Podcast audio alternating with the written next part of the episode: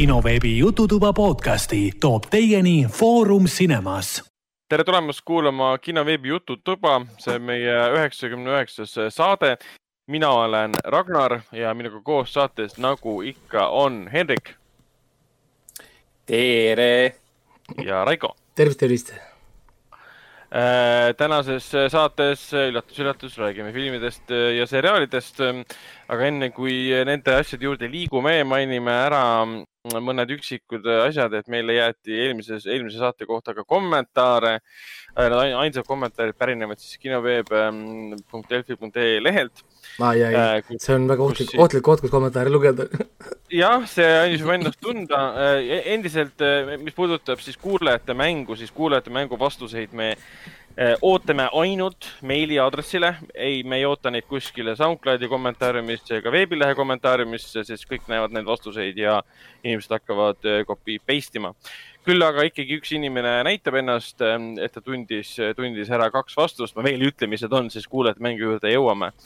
aga teine inimene vastas, et, ähm, et meil on kahtlane jutt auhinna osas, mingid tuttavad võidavad raudselt, et sponsoritelt enda asju hoiata. nii see käibki. äh, see on väga-väga halvas eesti keeles kirjutatud, käibki on kirjutatud BG kõrvuti ja, ja nii edasi aga selle kohta ma kommenteerin seda, et meil ei ole sponsoreid. Äh, et mina, mina töötan kinos, äh, Henrik töötab kinos ja Raikol on väga palju asju.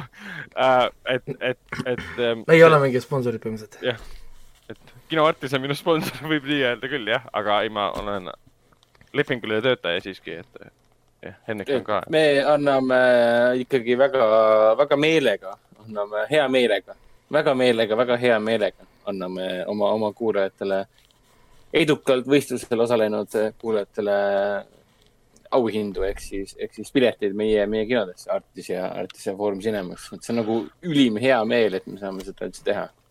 aga, aga, aga jah, see on oh. nagu just öeldi, et see on selle jaoks, et hu, huiata sponsoreid jaa, sponsorite tasku huiata, et tegelikult, jaa muidugi. see on ikka klassik, klassikaline. see on, jah, see on niisugune slap, slap, slap in the face, et ma nüüd pean minema ja uurima kus, kus laua taga need sponsorid siis on või mis kivi all need sponsorid on? no, no, no, ei no see on seesama, sama, see on sama inimene, kes iga, iga kord kuskil vandenõu äh, postituste all siis eriti kui on võtmesõna vaktsiin, tuleb sinna jutuga, et kõik on Soorose poolt kinni makstud, et sest ma pidevalt ootan seda ülekannet, et et, et kus on see, kus see, kus see raha on siis? sellega ma olen täiesti, täiesti nõus, et äh, ma ei hakka siin oma pangakontot, kontonumbrit välja ütlema, aga Soros, kui sa meid kuulad, siis Äh, kus mu raha on. aga äh, viimane kommentaar on siis äh, jäetud Kalle poolt ähm,, kus ta ütles, et äh, osadel on ikka väga hea elu, tahaks ka päev otsa ainult telekat passida. See oli ilmselt kommentaar siis äh, Raiko pihta, mul sisetunne ütleb nojah. Raiko, kuidas kommenteerid? ei, ma ei kurda oma elu abs-, elu üle absoluutselt. ma olen väga rahul, naudin oma töö vilju ja, ja, ja, ja nii on. ja, et seda kommentaari saab võtta selles mõttes väga positiivse sellise fakti konstateerimisena, kus ta tegelikult ütlebki, et jah, sul ongi hea elu, saad teleka eest paissida um,. või siis, kui võtta seda siukse sarkastilise kommentaarina, siis see on asi mürgine katse sind, sind maha teha, mis kukkus läbi suurejooneliselt ei, asi, ärge nüüd võtke kõike nii negatiivselt. see oli, see oli, see oli positiivne. inimesed on lihtsalt, inimesed on kadedad, inimesed ei ole, jah, et aga see on niisugune positiivne kadedus, ta lihtsalt hindab sind kõrgelt, et oh sa võid. No, koroona ajal tuleb. kodus olla ja vaadata filme. Koroona ajal tuleb asju võtta negatiivselt, sest kui sa võtad, hakkad asju positiivselt võtma, siis sa oled igas asjas positiivne koroona, koroona, koroona ajal ei tasu väga positiivne olla. koroona ajal oleme, oleme kõik negatiivsed ja täpselt mm. -hmm. mida negatiivsem. õnnelikult negatiivsed. jah, aga liigume edasi, liigume edasi meie mm, kuulajate mängu juurde, see oli meil siis mitmes mäng nüüd, kolmas? kolmas mäng, täna tuleb neljas, et jah äh... Raiko, Raiko, mis, mis sai eelmises, eelmises mängus ah,, ma võin ära mainida nii palju, siis äh, kuulajate mäng on endiselt igas saate alguses kõik vastajad saavad iga nädal erinevaid auhindu. okei okay,, need eh, auhinnad pole praegu olnud väga erinevad, aga siiski um,. aga iga kord me ootame vastuseid siis alates, alates saate ilmumise päevast kuni siis uue nädala neljapäevani. antud juhul siis kahekümne viienda äh, veebruarini kuni kella kuueni. Kui kell kuus kukub, siis me, siis me ei soovi sinu, kui kuus null, kuus ja üks sekund või nanosekund kukub, siis me ei soovi sinu otsust enam. No eks me ikka kontrollime post, postkasti ja puha, et mina isiklikult Ragnari postkasti minna ei saa, et Ragnar teeb seda ise. kontrollib siis, aga, aga üldjuhul ja me soovime ikkagi iga neljapäev hiljemalt kella kuueks, kas kõik laekunud nojah, sest, sest see on, see on mõistlik. saatest antud meili peale. jah, see on mõistlik, mõistlik aeg, sest ega me enne neljapäeva kell kuut ikka saadet ei tee, et pärast seda ta võib olla võib-olla reedel või ka laupäeval, aga vähemalt siis on mingi aeg nagu paigas, et mm täpselt nii, aga kes siis ja kuidas, kes siis võitis ja kuidas läks eelmise, eelmise kuulajate mängu võitjatel või no võitjal äh,? nii, ma eelmise korra õiged vastused siis ka äh, kohe kiiresti üle, kes tahab kontrollida ja, ja muidugi äh, see on ka meeldetuletus, et te võite seda kuulata mängu mängida ka tagantjärgi. selge see, et auhinda võita ei saa, aga võtke paber ette ja võtke saated järjest äh, lahti, hakake tegema neid erinevaid kuulajamänge mm. -hmm. lihtsalt testige oma te teadmised, kui avastate, avastate näiteks kuulajamängu täna, on ju, minge, minge, minge saated tagasi ja vaadake ka eelmised ja kontrollige, kuidas teie oleksite siis äh, toime tulnud, on ju. nii, äh, eelmise korra õiged vastused siis, esimene oli Meeleheitel kodu perenaised või siis eh, originaal pealkirjaga Desperate Housewives. teine oli Highlander ehk siis Duncan MacLeodi äh, lugu, kus siis ja ilmselt kui ma mainisin, et seda vaatasid nii mehed kui naised, poisid kui tüdrukud, siis muidugi vihjasin selle, et tüdrukud vaatasid muidugi ekraani pealt Adrian Pauli äh,. kolmas oli muidugi, muidugi Dexter, of course Showtime'i siis suur hitt, mis tuleb tagasi nüüd, kui inimesed veel ei tea, siis Dexter tuleb tagasi. kas ja... on midagi, midagi klassikalises televisioonis, mis tagasi ei tule? ei tea, no jah, et, et Kilma, Kil-, Kilmari tüdrukud tulid isegi tagasi. et seal, kus on raha, sinna, sinna tuleb, et aga Dexter iseenesest sai ju tegelikult nagu läbi, story's tegelikult lahendus, aga no olgu. Äh, neljas muidugi Rick ja Morty, äh, viies Netflixi superhitt Stranger Things ja kuues muidugi äh, Twin Peaks, millest on olemas üks mõnus kaheksatunnine video äh, Youtube'is, mis seletab lahti, mida see sari tähendab ja mida see tegelikult tahtis öelda. et äh, sellel, sellel, sellel videol on ka omakorda siis seletusvideo, mis on kakskümmend minutit pikk, mis seletab aga, aga, aga see video on lihtsalt uskumatu töö on sinna taha läinud, mis tööd on teinud inimene ta on lugenud äh, iga viimse kui jupi stsenaariumit, iga viimse kui intervjuud selle asja ümber, see on tohutu, tohutu ah, töö okay.. et, et, et äh, nagu igat asja, mis ta ütleb, ta selgitab ja põhjendab ja mitte ühtegi asja ta ei jäta lahti seletamata või põhjendamata. et lihtsalt mul oli lihtsalt nagu respekt juba sellepärast, et ta selle video valmis tegi uh,. Ja, ja õige vastus siis seekord tuli ainult üks, ehk siis uh, meil uh, teised millegipärast ei suutnud uh, number kolme paika panna ma vaatasin jah, see oli just kõige, kõige keerulisem neist. number, num-, number kolm tundus olevat see komituskiviks, mis oli Dexter, mis mina tegelikult ei suutnud ette ennustada, et inimesed ei tea Dexteri äh, alguse tunnus äh, nagu seda lugu, mis peaks olema tegelikult nii hästi äratuntav, aga no olgu. ja Mardo äh, on siis võitja, sest ta sai kõik kuus tükki õigesti ja nagu ta ise siin ütles, et kõige keerukam oli tema jaoks siis Desperate Housewives eks tõenäoliselt sellepärast, et see ei lähe tema siis sellesse sihtgruppi, nii-öelda nagu see, see no,, see sari. jah, et min-, ma kuulasin ka neid vastuseid ja mina oskasin vastata neist peast ära Highlanderi, Rick and Morty, Stranger Thingsi ja Twin Peaksi, et ma ei oleks teadnud, et Dex-, Dexterit ja Desperate Housewives ma poleks teadnud. No mina olin Dexteri suur fänn muidugi, jah, minu jaoks, kuna ma olen nagu fänn, siis minu jaoks tundub see nii obvious, on ju samal ajal kui mm. on maailmas inimesi, kes pole mingil põhjusel neid Dexterit näinud, nagu teie poolt näinud Breaking Bad'i, siis, siis äh, maailm ongi vei-, vei-, vei-, veider koht, et äh, sellega ma olen küll nõus. aga, aga liigumegi siis juba tegelikult kohe järgmise, aa, no võitjale siis ikka nii palju, et äh, äh sa sabast-, aa, sa võisid sa-, Ragnar tegelikult saatis juba, juba kirja võitjale ära ka jah, võitja sai teate juba kätte, info on kõik läinud üles et kohta. et sai siis kino Artise piletid või?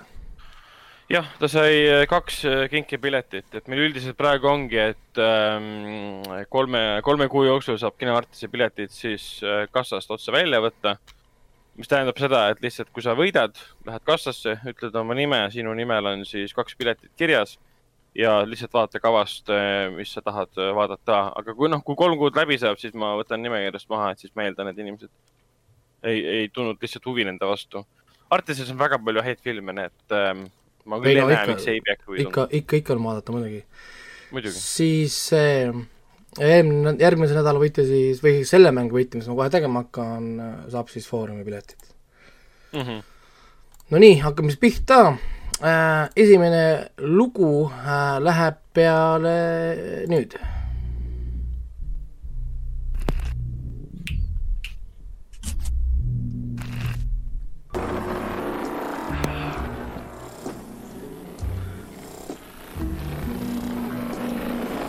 see peaks olema ka niisugune mõnusalt äratuntav. jah, kindlasti.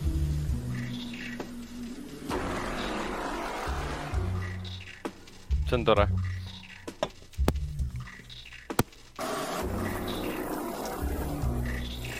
ja, ja muidugi ma kujutan ette mm, neid inimesi, kes ei tea, mis see on, siis nende jaoks võib see tunduda äärmiselt veider alguse äh, muusika jah, eh, neile võib tunduda see veider ja, ja ta kindlasti seda on ka. jah, ma rohkem vihjeid annan, sest see alguses muusika on tegelikult nii nii-öelda nagu mm. äratuntav, et, et ma ei taha nagu siin ähm, äh, vihjetega seda ära spoil ida. no järgmine väga jär..., väga creepy muusika ähm,. kuule, sa juba lähed see oli, see oli ka vihje. sa lähed juba spoil, spoileritesse. nii, järgmine on nüüd tõesti, kus ma ei pea mitte midagi ütlema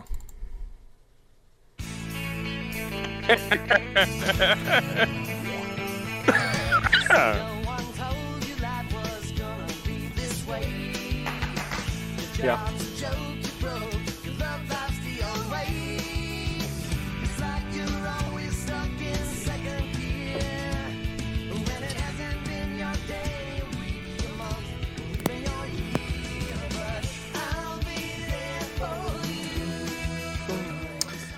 Nii, huvitav on, et äh, kas meil äh, on inimesi, kes selle mööda mööda panevad, sest salatoimikutega ei saanud kõik pihta. ei no kui mingi, mingi, mingi millennial vastab, siis ta ilmselt ei, ei tea. Nonii, see oli, see oli, see oli number kaks, rohkem selle kohta infot ei tule, äh, ma ei, ei olegi vaja. ja nüüd number kolm.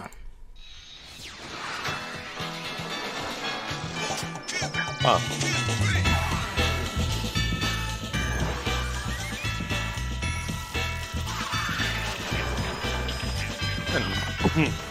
kindlasti tuttav olema.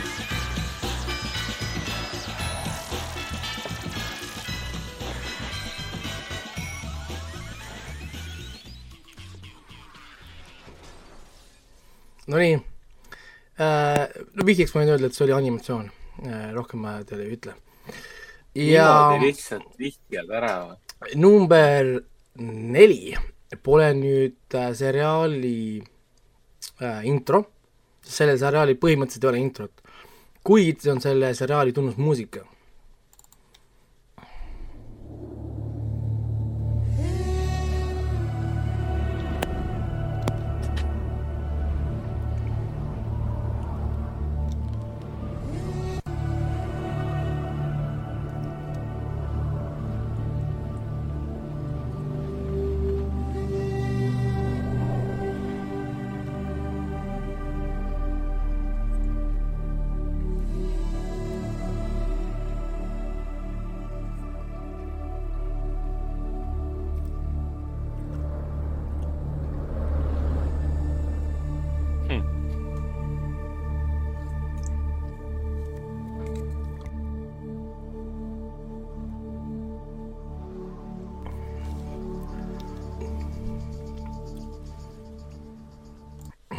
tegelikult ei ole rohkem vaja, kui olete sarja näinud, saate kohe aru, millega tegemist on.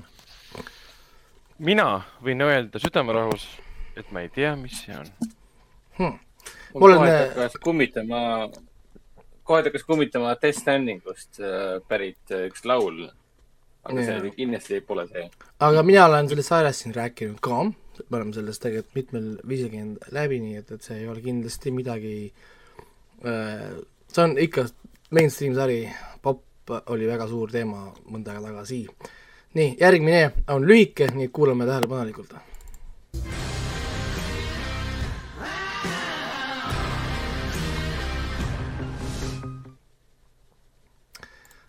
oot, oot.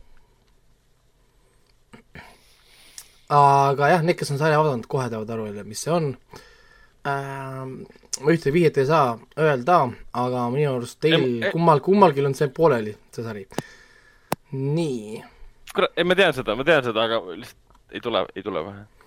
ja nüüd kuues äh,, number kuus on äh, nüüd mitte tunnusmuusika või teema, vaid see ühest filmist, ühest väga konkreetsest filmiseeriast. ja kui natukene kuulata, siis äh, tunnete ära ka äh,, kust see pärit on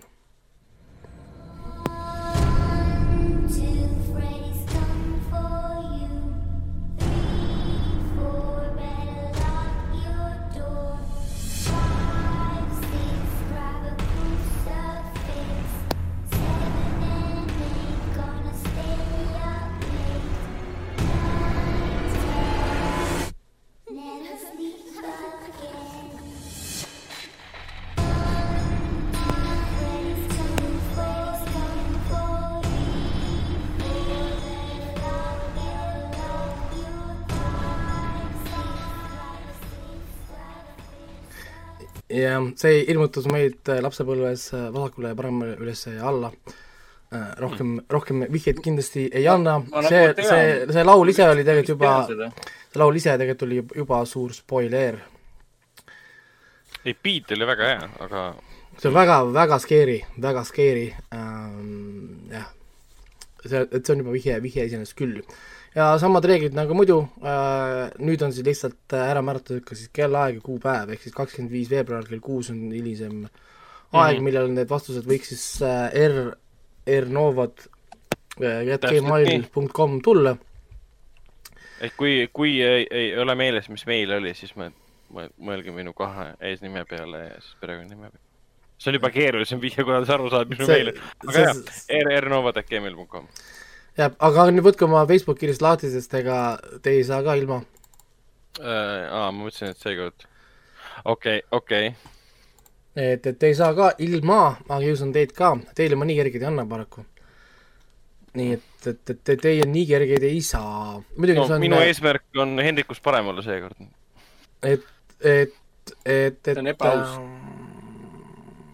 see on ebaaus, ma ütlen teile. mis asi? Nii äh,, las ma nüüd et, et mõtlen. aina raskemaks läheb. selles mõttes, kuidas see äh,, kuidas seda võtta äh,? tegelikult vist ei ole ka väga rasket, sest noh, minu jaoks on kõik nagu lihtsad, aga see ei ole nagu, mina võtan selle järgi, mida mina üldiselt olen nagu näinud või ma tean. samas ma ei saa võtta ka enda, noh nagu ennast võrrelda nagu teiste inimestega, sest kogu see, mida ma vaatan, ei ole kindlasti see, mida enamus inimesed suudavad nagu teha. nii et äh, esimene number üks, see on nüüd, peaks olema Hendrikule nüüd eelis äh, roh-, Ragnari ees. Spoiler.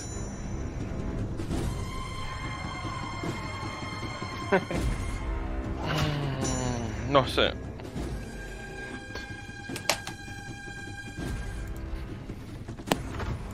jah, teil mõlemal tuli, mõlemal tuli teil päris äh, päris kiiresti tuli mõlemalt õige vastus ära, õige vastus on tõepoolest kolmkümmend münti ehk Dirty Coins, HBO äh, veider ja väga kütkestav äh, fantaasia, õudus, horror, mis iganes ta seal žanrite läheb.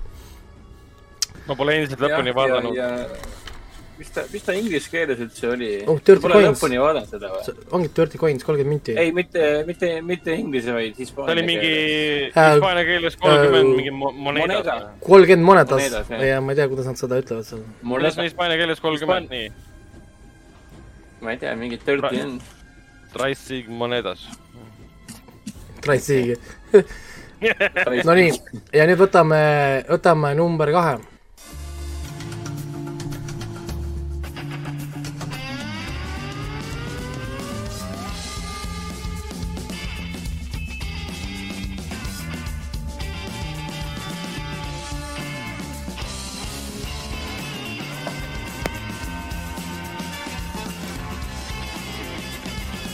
Okei um,.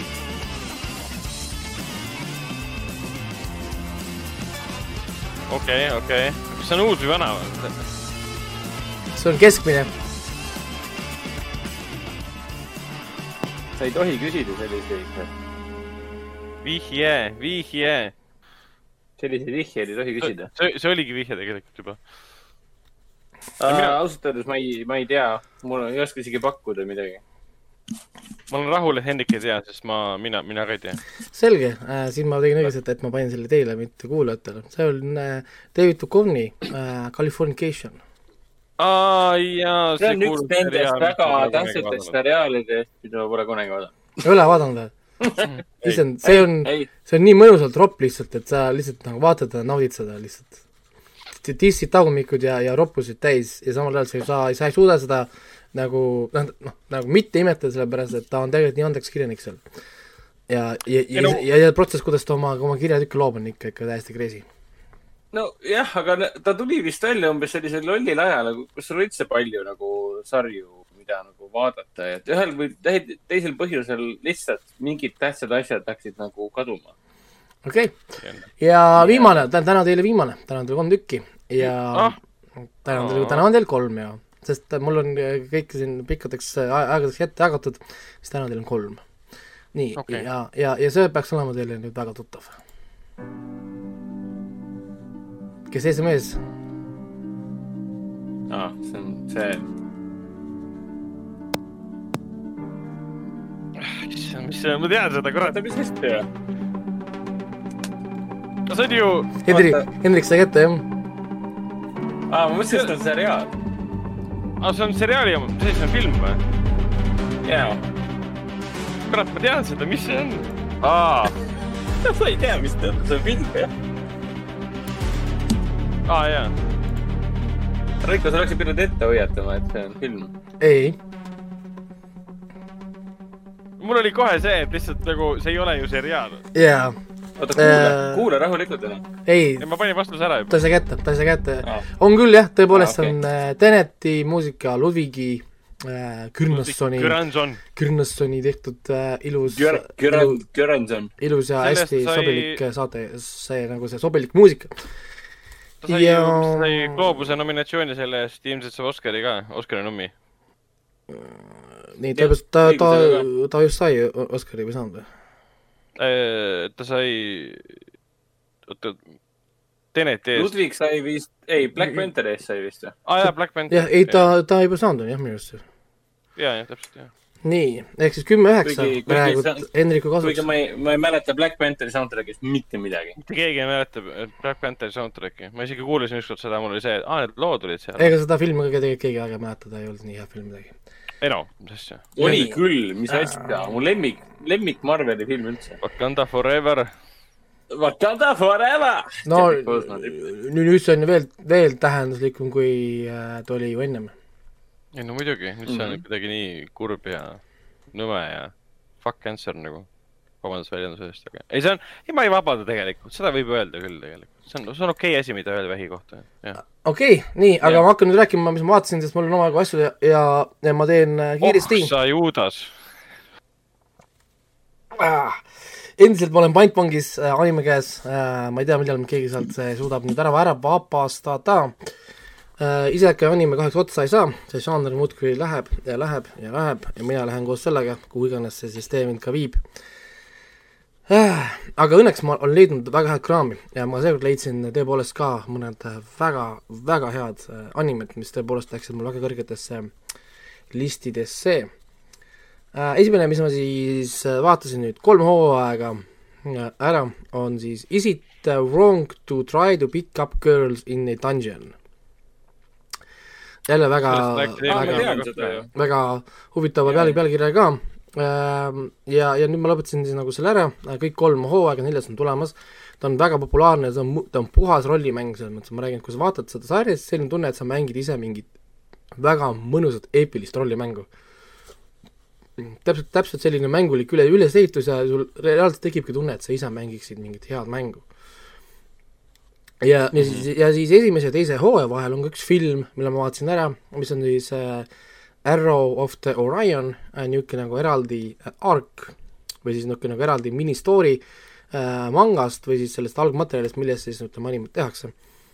ja vaatasin selle ka ära ja ka tõepoolest väga, väga hea film ja mõnusalt tempokas, mõnusalt action'i rikas on ju.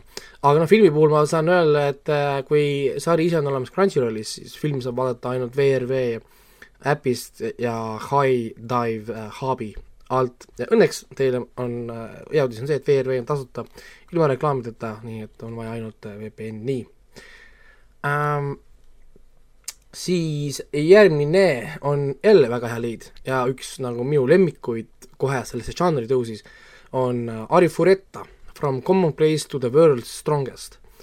ja tõepoolest, ma olin nii animes sees ja, ja, ja ma pole ammu võib-olla isegi nautinud ühtegi animet nii palju. see on samuti jälle isekai anime, ehk see tähendab seda, et äh, meie maailmast lähevad siis inimesed uude fantaasiamaailma ja siin animes siis läheb siin terve klass, terve üks klass koos õpetajaga ja tõmmatakse siis äh, fantaasiamaailma, aga lihtsalt vahe on selles, et nad ei tea, mida nad seal tegema täpselt peavad. Nendel, nende niisugune eriline võime põhimõtteliselt on siis nagu see, et nendel kõikidel on oma mingi üks, mingi ma-, maagiline nagu võime või noh, nagu power, mida nad siis kasutavad, et ähm, ühte seda suurt niisugust koobast või dungeoni või ma ei tea, ma ei tea isegi, mis on eestikeelne vaste dungeonile ähm,. labürint või ma ei tea, ei ole vist labürint või? Lab-, labürint on midagi muud, ta ei ole koobas. koobas pigem koobas, jah mingi, mingisugune no dungeon ei ole päris see tegelikult, jah. no ma ei tea, meil pole eesti keeles minu arust niisugust head vastet, jääme dungeoni juurde, enamus inimesed saavad aru, ütleme, mida see tähendab, ütleme, fantaasiamaailma või lauamängude, videomängude kontekstis, on ju. ja käivad seda dungeoni siis läbi ja, ja siis peategelane või selle loo peategelane, Hajime, on üks vähetest poistest, kellel ei ole ühtegi agressiivset äh, power'it kui e-, enamus poisid, kõik said seal mingeid mõõgavõimeid või, või ühesõnaga mingit nagu asju, sest tema on üks nendest, kellel on nii-öelda nagu nagu öeldakse, nagu neutraalne ability, tema võime on siis äh, muuta maad või noh, nagu põhimõtteliselt muuta aineid omadusi, umbes nagu sarnane sellele, kui keegi on vaadanud seda Full Metal Alchemist äh, mm -hmm. sarja, siis seal oli see transmutability äh,, siis see on täpselt samamoodi nagu siin näiteks ta muudab mineraalide omadusi või ta saab muuta kivide kujusid, kui ta võtab kivi kätte näiteks, on ju.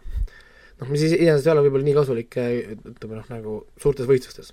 ja ühesõnaga, esimeses episoodis kohe me näeme siis, kuidas nad äh, lähevad sinna dungeoni, satuvad sinna lõksu ja nad transporditakse sügavale dungeoni, sügavamale, kui nad tegelikult on valmis minema mingi viiekümnendal korrusele või ühesõnaga mingi sügav äh, number, ja sa kohtavad seal Behemothi, mis on suur monstrum, hakkavad selle vastu võitlema ähm,, siis äh, meie peategelane, see Hajime, kasutab oma seda transmutability't, et seda Behemothi kinni hoida, kõik saaks põgeneda ja autasuks selle eest, kui ta ise proovib nagu teistele järgi minna, üks klassikaaslastest laseb tema pihta, öelda, öeldakse nagu kogemata äh, siis selle maagilise tulepalliga või mis iganes äh, maagiga, et ta kukub koos selle mehemotiga sinna alla sügavale dungeoni. Ja kui kõik eeldavad, et tema sai surma, siis meie hakkame vaatama nüüd tema ellujäämislugu äh,, kuidas ta jääb oma käest ilma, ta jääb oma silmast ilma ja, ja ta rabeleb ja võitleb seal kõigest väest, et ellu jääda.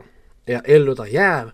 Ja ellujäämistulemusena, nagu pealkiri oli, From commonplace to the world's strongest, ta avastab, et ta lõpetab kui maailma kõige tugevam äh, sõdalane. Ta välimus muutub, ta suhtumine muutub äh,, talle päästab sealt dungeonist põhjast ühe kolmesaastase vampiiri neiu ära. Ähm,, ta, ja ongi, ja ta võtabki selle enda armukeseks, nagu ta ütleb, et you are my lover now. Ja okay konkreetne. ja ei, ongi, see on väga stylish anime, see on, see pole ammu nii, midagi nii stiilset näinud. ta tuleb sealt lõpuks sellest dungeonist välja, tal on valged juuksed, tal on silmaklapid, tal on robotkäed, tal on nahktagid, tal on rohkem oskusi, kui ta suudab endaga midagi teha, tal on kiirust, tal on relvad, tal on swag'i, ta ehitab endale mootorratta, lendab üle aasa sellega, korjab naisi vasakult-paremale, lükkab monstrumeid, et kuhu, kuhu iganes. ja, ja siin animes on ju noh, peale selle, et, et mulle meeldib nagu selle anima suhtumine nagu ka, et kui te, kui te, kui ta esimest korda näeb umbes nagu äh, rindest ehmatab ära, aga vähemalt pärast seda ta juba on nagu nii-öelda nagu mees, et enam teda midagi ei häiri, siis äh, äh, siin, et siin animes on ük, nagu noh, nagu see asi ka, et esiteks äh, kuigi ütlevad, oh sa oled hiiro, on ju, ta ütleb, ma olengi hiiro, aga ma ei ole, ma ei ole sinu hiiro ja tulistab kedagi näkku näiteks. aa, aa, aa okei okay. um,, ootamatu. ja, ja sest äh, tema ütleski talle, et ta on valmis tegema kõike, et ellu jääda ja, ja tal ei ole enam, enam sõpru, sest ta teab, et keegi teda reetis, on ju. ja, ja, ja siis äh, noh ta ütleski, et ma olengi hiiro, ma olen hiiro maailma jaoks, mitte sinu jaoks. ja lataki pammaki kuuliga näkku. Ja, ja siin mängus, mängus ja mitte, mitte kogu mäng selle kohta, sest ta on nii, ta on nii nagu mänguline. aga, aga, aga siin sarjas on ka üks parimaid nagu seda, mina ütlen äh,, mis on see, character introduction'id või kuidas see äh, nii-öelda nagu karakter kedagi ennast, kellelegi ennast nagu tutvustab ja see on nii epic moment on nüüd, kus kohas tema vanad klassikaaslased kõik, kes seda ennem narisid ja no, norisid, et no, et on nõrk ja värki, jäävad, jäävad nagu hätta. ja siis nad saadavad ühe enda nagu äh, klassikaaslase abi, abi kutsuma, kellel võime nähtamatuks muutuda, see jookseb siis sellest dungeonist välja, kutsuda appi, Teemo ründab. Klassikaaslaseid, palun mine appi, siis ta leiab, issand, see Hajim on elus. Ja, ja palub siis selle Hajimi abi umbes, et, et sa, sa tegid lõpuni selle dungeoni, et sa ju saad jagu nendest seal, tule alla, ei, ma ei aita teid, mul ükskõik, te surete, surete ära. ja siis ta suudab seda ikka ikkagi veenda. Ja, ja siis on see, kuidas see Hajimi sinna, sinna nagu dungeoni läheb, kuidas ta, teised nagu näevad seda nagu ja kuidas tema selle probleemi lahendab, see on lihtsalt, see on nii swaggeri levelid on nii kõrgel lihtsalt, et sa ei suuda, noh, sa, jah, seda peab nägema, et seda nautida et jaa, teine, teine hooaeg on tulemas õnneks, ma kartsin väga, et ta saab cancel, aga, aga ei saanud. ja, ja kui keegi tahab lihtsalt vaadata lihtsalt mingit head animet, kus on hea muusika, räigelt tempot äh,, action'it äh,, mida iganes, on ju siis äh, Ari Fureta From Common Place to the World's Strongest? On kindlasti, kindlasti mida vaadata, see on tohutu tempokas ka, see on kaksteist või kolm, kolmteist episoodi ainult, aga sul on tunne, et sa vaadanud võib-olla mingi viiskümmend episoodi.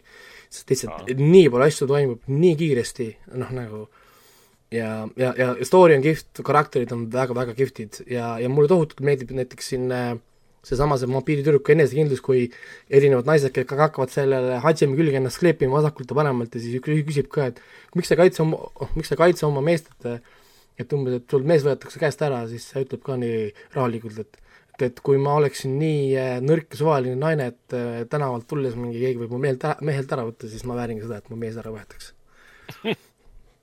selge et ma vaatan, et, äh, vaatan, et päris palju nendest animeidest on tegelikult ka mängud tehtud. õige, ikka see, see, ähm, see on ähm, üks suur business käik, et on üks, üks ja sama. Pick Up Girls in a Dungeon näiteks, et Steamis on tal neljakümne euro eest olemas mäng nimega Infinite Combat, Combat, Combat, jah. eelmine, eelmine aasta tuli välja võim-, või võimalik, need on kõik päris head. aga noh, nüüd muidugi need head said nagu otsa, need, need olid Oi. Äh, head animed. edasi olid ju niisugused äh, noh, teised, aga ma teen lihtsamalt, ma vaatasin ära näiteks Elise Iseka anime, mis, mille nimi on Death March to the Parallel World Rhapsody, kus kohas siis mänguprogrammeerija satub iseenda mängu sisse ähm, MM, MMO-sse ja ta on teistest tugevam, tal on kõik asjad maks-, maksimumi peal, tal on raha lõputult, tal on võimed lõputult, aga ta ei kasuta neid terve jooksul kordagi, ta tahab olla tavaline. ja see sari ongi tavaline, kedagi ei huvita, see läheb nii kiiresti meelest ära, et, et muutub, muutub täitsa nagu pointless'iks, et miks sa siis üldse kasutad seda isekai žanri, kui sa tegelikult ainult terve aeg näitad, kuidas ta sõidab hobukaarikuga ja vahetab inimestega kaupa. ah okay.. noh, miks, miks sa siis teed meile sisse sissejuhatuse, et ta on põhimõtteliselt nagu jumal inimeste seas. ühesõnaga, ma ei saanud sellest aru siis äh, on Philosopher's Grandson äh,, jälle üks äh, isekai sari, kus kohas see isekai element on jälle nii mõttetus neile juurde kleebitud lihtsalt, et sa leiaksid selle ülesse. või siis nagu ta Hulus ja Funimationis on, on ta nimega Wise Man Grandson või noh, nagu targa mehe lapselaps. siis selle nagu sarja niisugune võti on tegelikult nagu rohkem nagu selles, et poiss kasvab üles metsas, keset, keset nagu metsa majas, kus ta on oma vanaema ja vanaisaga koos kogu aeg. vanaisa õpetab tal maagiat, vanaema õpetab talle, kuidas erinevatele esimete, esimestele lastele maagilisi mingeid kaitsmeid ja loitse peale panna, siis onu Siid käib teda õpetamas mõõgaga võitlemas ja ühesõnaga sõbrad tuttavad käivad, aitavad teda nagu treenida. ja, ja nüüd, kui ta üks päev on viisteist, äh, ta läheb siis nagu äh, esimest korda linna, ta pole kunagi käinud linnas, ta on terve aeg olnud Äh, nii-öelda nagu metsas, äh, läheb siis nagu, nagu sinna kooli, kus siis õp-, hakatakse õpetama talle maagiat ja värki, siis ta vanaisa ütleb, et nüüd on sul aeg tegelikult öelda, et sa ei ole päris tavaline äh,. noh, nagu, ja kui sa nüüd lähed nagu tsivilisatsiooni, sa võid avastada, et, et sinu oskused ja sinu standardid on palju kõrgemad kui äh, need, mis on nagu mujal, mujal maailmas. poiss, mis mõttes, et no lihtsalt, et, et äh, see maagia, mis me õpetasime sulle, võib-olla on, on äh, üle selle, mida esimesed oskavad ja ja, ja asjad, ühesõnaga ta jõuab siis sinna ja tõepoolest nagu ta avastab, et mis on teiste jaoks muljetavaldav, pole isegi tema jaoks äh, noh, ta ei, ta ei saa isegi nii nagu madalaid asju enam nagu teha. ja põhjus sellest on sellest, et see vanaema ja vanaisa, kes teda õpetasid, on seal maailmast ülikuulsad maagid, tuntud kui Wise Man ja, ja Sage, kes on siis äh, maailma endised kangelased, kes on maailma päästnud mitu korda. ehk siis tema vanaisa ja vanaema olid sõna otseses mõttes kõige paremad maagid. see onu Siit, kes seda õpetas, oli maailma kõige tugevam mõõgamees ja nii edasi, ehk siis no algusest peale kasvatati nii-öelda nagu maailma parimate poolt algusest peale täiesti ebanormaalsete tingimustega nagu. ja siis meie vaatame, kuidas tema siis seal koolis, ühesõnaga hakkab demonstreerima võimeid, mis on lihtsalt üle igasuguse mõistuse. Ta on niisugune keskmine selles mõttes, et, et ta, ta on mõnusalt nagu niisugune, niisugune niisugune positiivne ja no natuke, natukene lahinguid ja natuke nalja, aga ega ta midagi erilist selles mõttes ei ole. siis ma vaatasin ära selle asja nagu The Eighth Son, Are you kidding me? ehk siis äh, mees, mees sureb ära oma maailmas, ärkab äh, uues maailmas ülesse ja on nii-öelda nagu ühe siis äh, nooblite või, või tea, mis see on, mis, mis on eesti keeles Nobeli, Nobeli vastus? aadlik või? ongi aadlik, põhimõtteliselt ülik või aadlik. ülikute või, või siis aadlikute perekonnas ja alguses on nii rahul yes, et ma saan nüüd hakata pärandama nagu oma vanemate maad ja lõpuks ta avastab, et ta on kaheksas poeg, ehk siis ta on järjekorras kaheksas, kes hakkab midagi pärandama või noh, nagu pärandusi saama ja, ja, ja ühesõnaga ta ei ole sellega rahul. aga õnneks ta on ainukene poistest, kellel on oskus kasutada maagiat ja tänu maagiale ta hakkab tegema tegusid, tapma draakoneid, tõmbab tähelepanu ja, ja sealt hakkab niisugune hästi tugev poliitiline mäng, ehk see on, see on tegelikult hästi tugevalt poliitiline anime tegelikult et, et mulle selle koha pealt meeldis, et tal oli vahelduseks, kus nad selgitasid seda protsessi talle. ta on kaheksas poeg, aga kuna ta on, kuna ta on nagu kaheksas poeg, siis tal pole nagu lootust nii-öelda nagu pärandada oma nagu pere käest midagi, aga kuna tal on nii osav maag, tal on nii palju võimeid, siis kõik teised igalt poolt mujalt tahavad tema oskusi saada. ja kuna ta tappis draakonina, siis selle nii-öelda kuningas andis talle tiitli parun, mis on kõrgem kui tema isa tiitel, siis ja, ja, ja sellega alga, algas nagu temast nagu uus see perekond, kes siis nii-öelda nagu, kuna, et tuleb välja, et äh, aadlikel on siis nagu noh, reegel, et kui keegi nagu järglastest saab kõrgema tiitli, kui on perekonda peal, siis temast algab nagu uus liin. Nagu, nagu perekonna, perekonna pea mõistes nagu ja seal on hästi palju poliitilisi mänge ja ühesõnaga niisugune tugevalt poliitiline anime, keda, keda huvitab selline asi poliitiline anime. poliitiline jaa, et seal hästi palju seda aadlikku poliitikat ja seesama, et kui ta on nagu maa, kas ta peaks kõike aitama, kas ta tohiks kõike aidata ähm,, kas ta peaks kõiki eest raha küsima, kas mitte, kuidas mitte, kuidas seda raha kasutada, ühesõnaga nagu noh, nii, nii, nii ja nii edasi. Siis ma vaatasin, järgmine anime oli By the Grace of the Gods ähm,. on jälle, kus kohas mees sureb ära, kolmekümne üheksa aastane oma äh, maailmas ärkab üles, kui kaheksa-aastane poiss elab metsas üksinda. ja, ja, ja, ja, ja, ja talle ei meeldigi väga inimesed, aga seal uue, uue, uues maailmas tal on jälle oskus kasutada maagiat ja siis ta hakkab kasva-, kasvatama neid slaime. kui keegi on vaadanud Jaapani animet või mänginud videomänge, siis peaks olema tuttav ideega slime, see on niisugune pisikene limakoletis, kes põrkab ringi, ümmargune pallikene ja ta hakkab neid arendama erinevate äh, viisidega ja arendab neid siis hästi palju igatepidi erinevaid tüüpe. Ja kui lõpuks ta metsasse leitakse, ta on üheteistaastane selleks ajaks, siis kõik on väga imestunud, kui palju erinevaid tüüpe neid limakoletisi ta on suutnud arendada ja siis ühesõnaga viiakse ta linna ja ta hakkab siis seal oma äri tegema põhimõtteliselt, hakkab oma äri tegema ja ja ongi kõik, et me vaatame, kuidas ta siis ehitab oma äri ja ja, ja, ja tutvuseid siis üles linnas. Ongi kogu nagu anime mm. -hmm. et ta näiteks teeb oma pesumaja, kus ta kasutab ühte oma eh, limapalli siis, et pesta riided okei okay. äh,, ma pean ühte asja kommenteerima, et ma olen, ma olen praegu kõikide nende mainitud animeseriaalide treilerid järjest ka ära, ära vaadanud. ja äh, peale vist ühe, kõikide ühine nimetaja on, on, on alati üks ja sama asi. selleks on väga suured anime ähm,, kuidas see ilus eestikeelne sõna äh,, dissid äh, ja äh, poisid, kes on sellest hästi vaimu- äh,, vabandust, mehed, kes on sellest hästi vaimustuses ja põhiline element on, element on see, kuidas üks meestegelane lendab siis naistegelase sisse ja nagu nii-öelda kahe padja vahele, et see on kõikides treilerites sees olnud. see on lihtsalt täiesti huvitav, jauralt naljakas. No just jaa, selles aga- Peeter Kristjan kaasis oli ka olemas see. aga ega ongi, kui sa hakkad animet vaatama, siis esimene sõna, mille sa õpid ära, ongi oppa, mis tähendab dissid, nii et äh, see, see käib asjaga kaasas. nii, hea ikka. ja, ja, ja, ja siis, mis mul poole, pooleli on sellepärast, et ma ei vaadanud, et see pole lõpuni jooksnud, on väga huvitava nimega, nimega äh, anime. Suppose a kid from the last dungeon Boonies moved to a starter town. oota, oota, ma loen korra läbi sulle. Last Dungeon Boonis, mis see tähendab, Last Dungeon Boonis? see on ühe selle, ühe selle koha nimi. aa, okei, okei Starter ja Town., ja kusjuures mul on selle, sellega on niisugune veider isegi nagu samastumine selle animega mingil määral. põhimõtteliselt see story on nagu selline, kus kohas üks poiss elab, kasvab üles ühes külas, ta suur unistus on olla sõdur. ja, aga tal on enesekindluse probleemid, sest ta on oma küla kõige viletsam. ta on külas kõige nõrgem, ta on kõige aeglasem, ta on kõige mõttetum jahimees, aga ta tahab olla nagu sõdur. aga, aga nüüd, kui ta siis läheb siit oma külast nagu kolib nagu välja, läheb nagu linna, siis mida tema ei tea, on nagu see, et see küla, kus ta elab, on tegelikult äh, legendaarsete kangelaste küla, ehk siis kõik kangelased, kes on kunagi maailma päästnud või on teinud ime, ime, imetegusid, elavad oma elu lõpuni siis seal külas. Ehk siis äh, tema standard, millega terve elu on siis võistelnud, on tegelikult maailma parimad. nagu, ja mitte ainult maailma parimad, vaid tõepoolest nagu ebanormaalselt suured äh, super äh, i- inimesed ja ta oli oma külast kõige nõrgem ja ta võtabki suhtumise, et ma okei okay,, ma lähen, ma lähen ja proovin, aga kuna ma olen kõige nõrgem, ma niikuinii ei saa.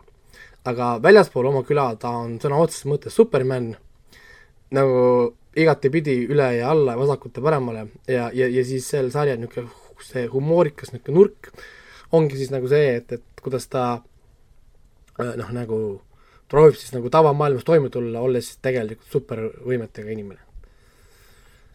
nagu noh, seesama näiteks, et ta ei saanud isegi sõdurieksameid läbi, sellepärast et inimesed ei saanud aru nendest maagilistest loitsudest, mis ta sinna kirjutas, sest need on liiga üle nende pea. ja mm, -hmm. ja, ja, ja kuna ta hävitas selle koha ära, mis, kus ta pidi näiteks oma jõudu näitama, siis pandi talle null, sest me, tema jõudu ei saanud mõõt-, mõõta. ja, ja siis ta määrati, et ta eksami kukkus läbi näiteks. ja, ja mul samastumine tuli lihtsalt selles, et mul mul õigelt tuli meelde, kuidas ma ise kasvasin üles pisikeses külas, on ju, noh nagu laps, lapsepõlves. Ja mängisime sõpradega koos kaklusmänge. kogu aeg, omavahel, mingi viie-kuuekesi kogu aeg, kogu aeg mängisime. Ja mängisime kogu aeg omavahel, pidasime, tegime omavahel turniire, tegime võistlusi, kogu aeg mängisime, mängisime, mängisime. Ja kogu aeg ku- kujutasime ette, et oh, et kuskil maailmas keegi mängib kindlasti nii, kuskil maailmas keegi mängib kusagil naa. Ja kui me lõpuks hakkasime esimest korda minema, siis nagu oma külast välja hakkasime mängima teistega, siis me avastasime mm, -hmm. et need, kes kuskil mujal maailmas nii mängivad, olemegi meie. sõna otseses mõttes mitte keegi ei saanudki nagu jagu et, et meie ainult fantaasias olid neist nagu tegelikult tugevamad.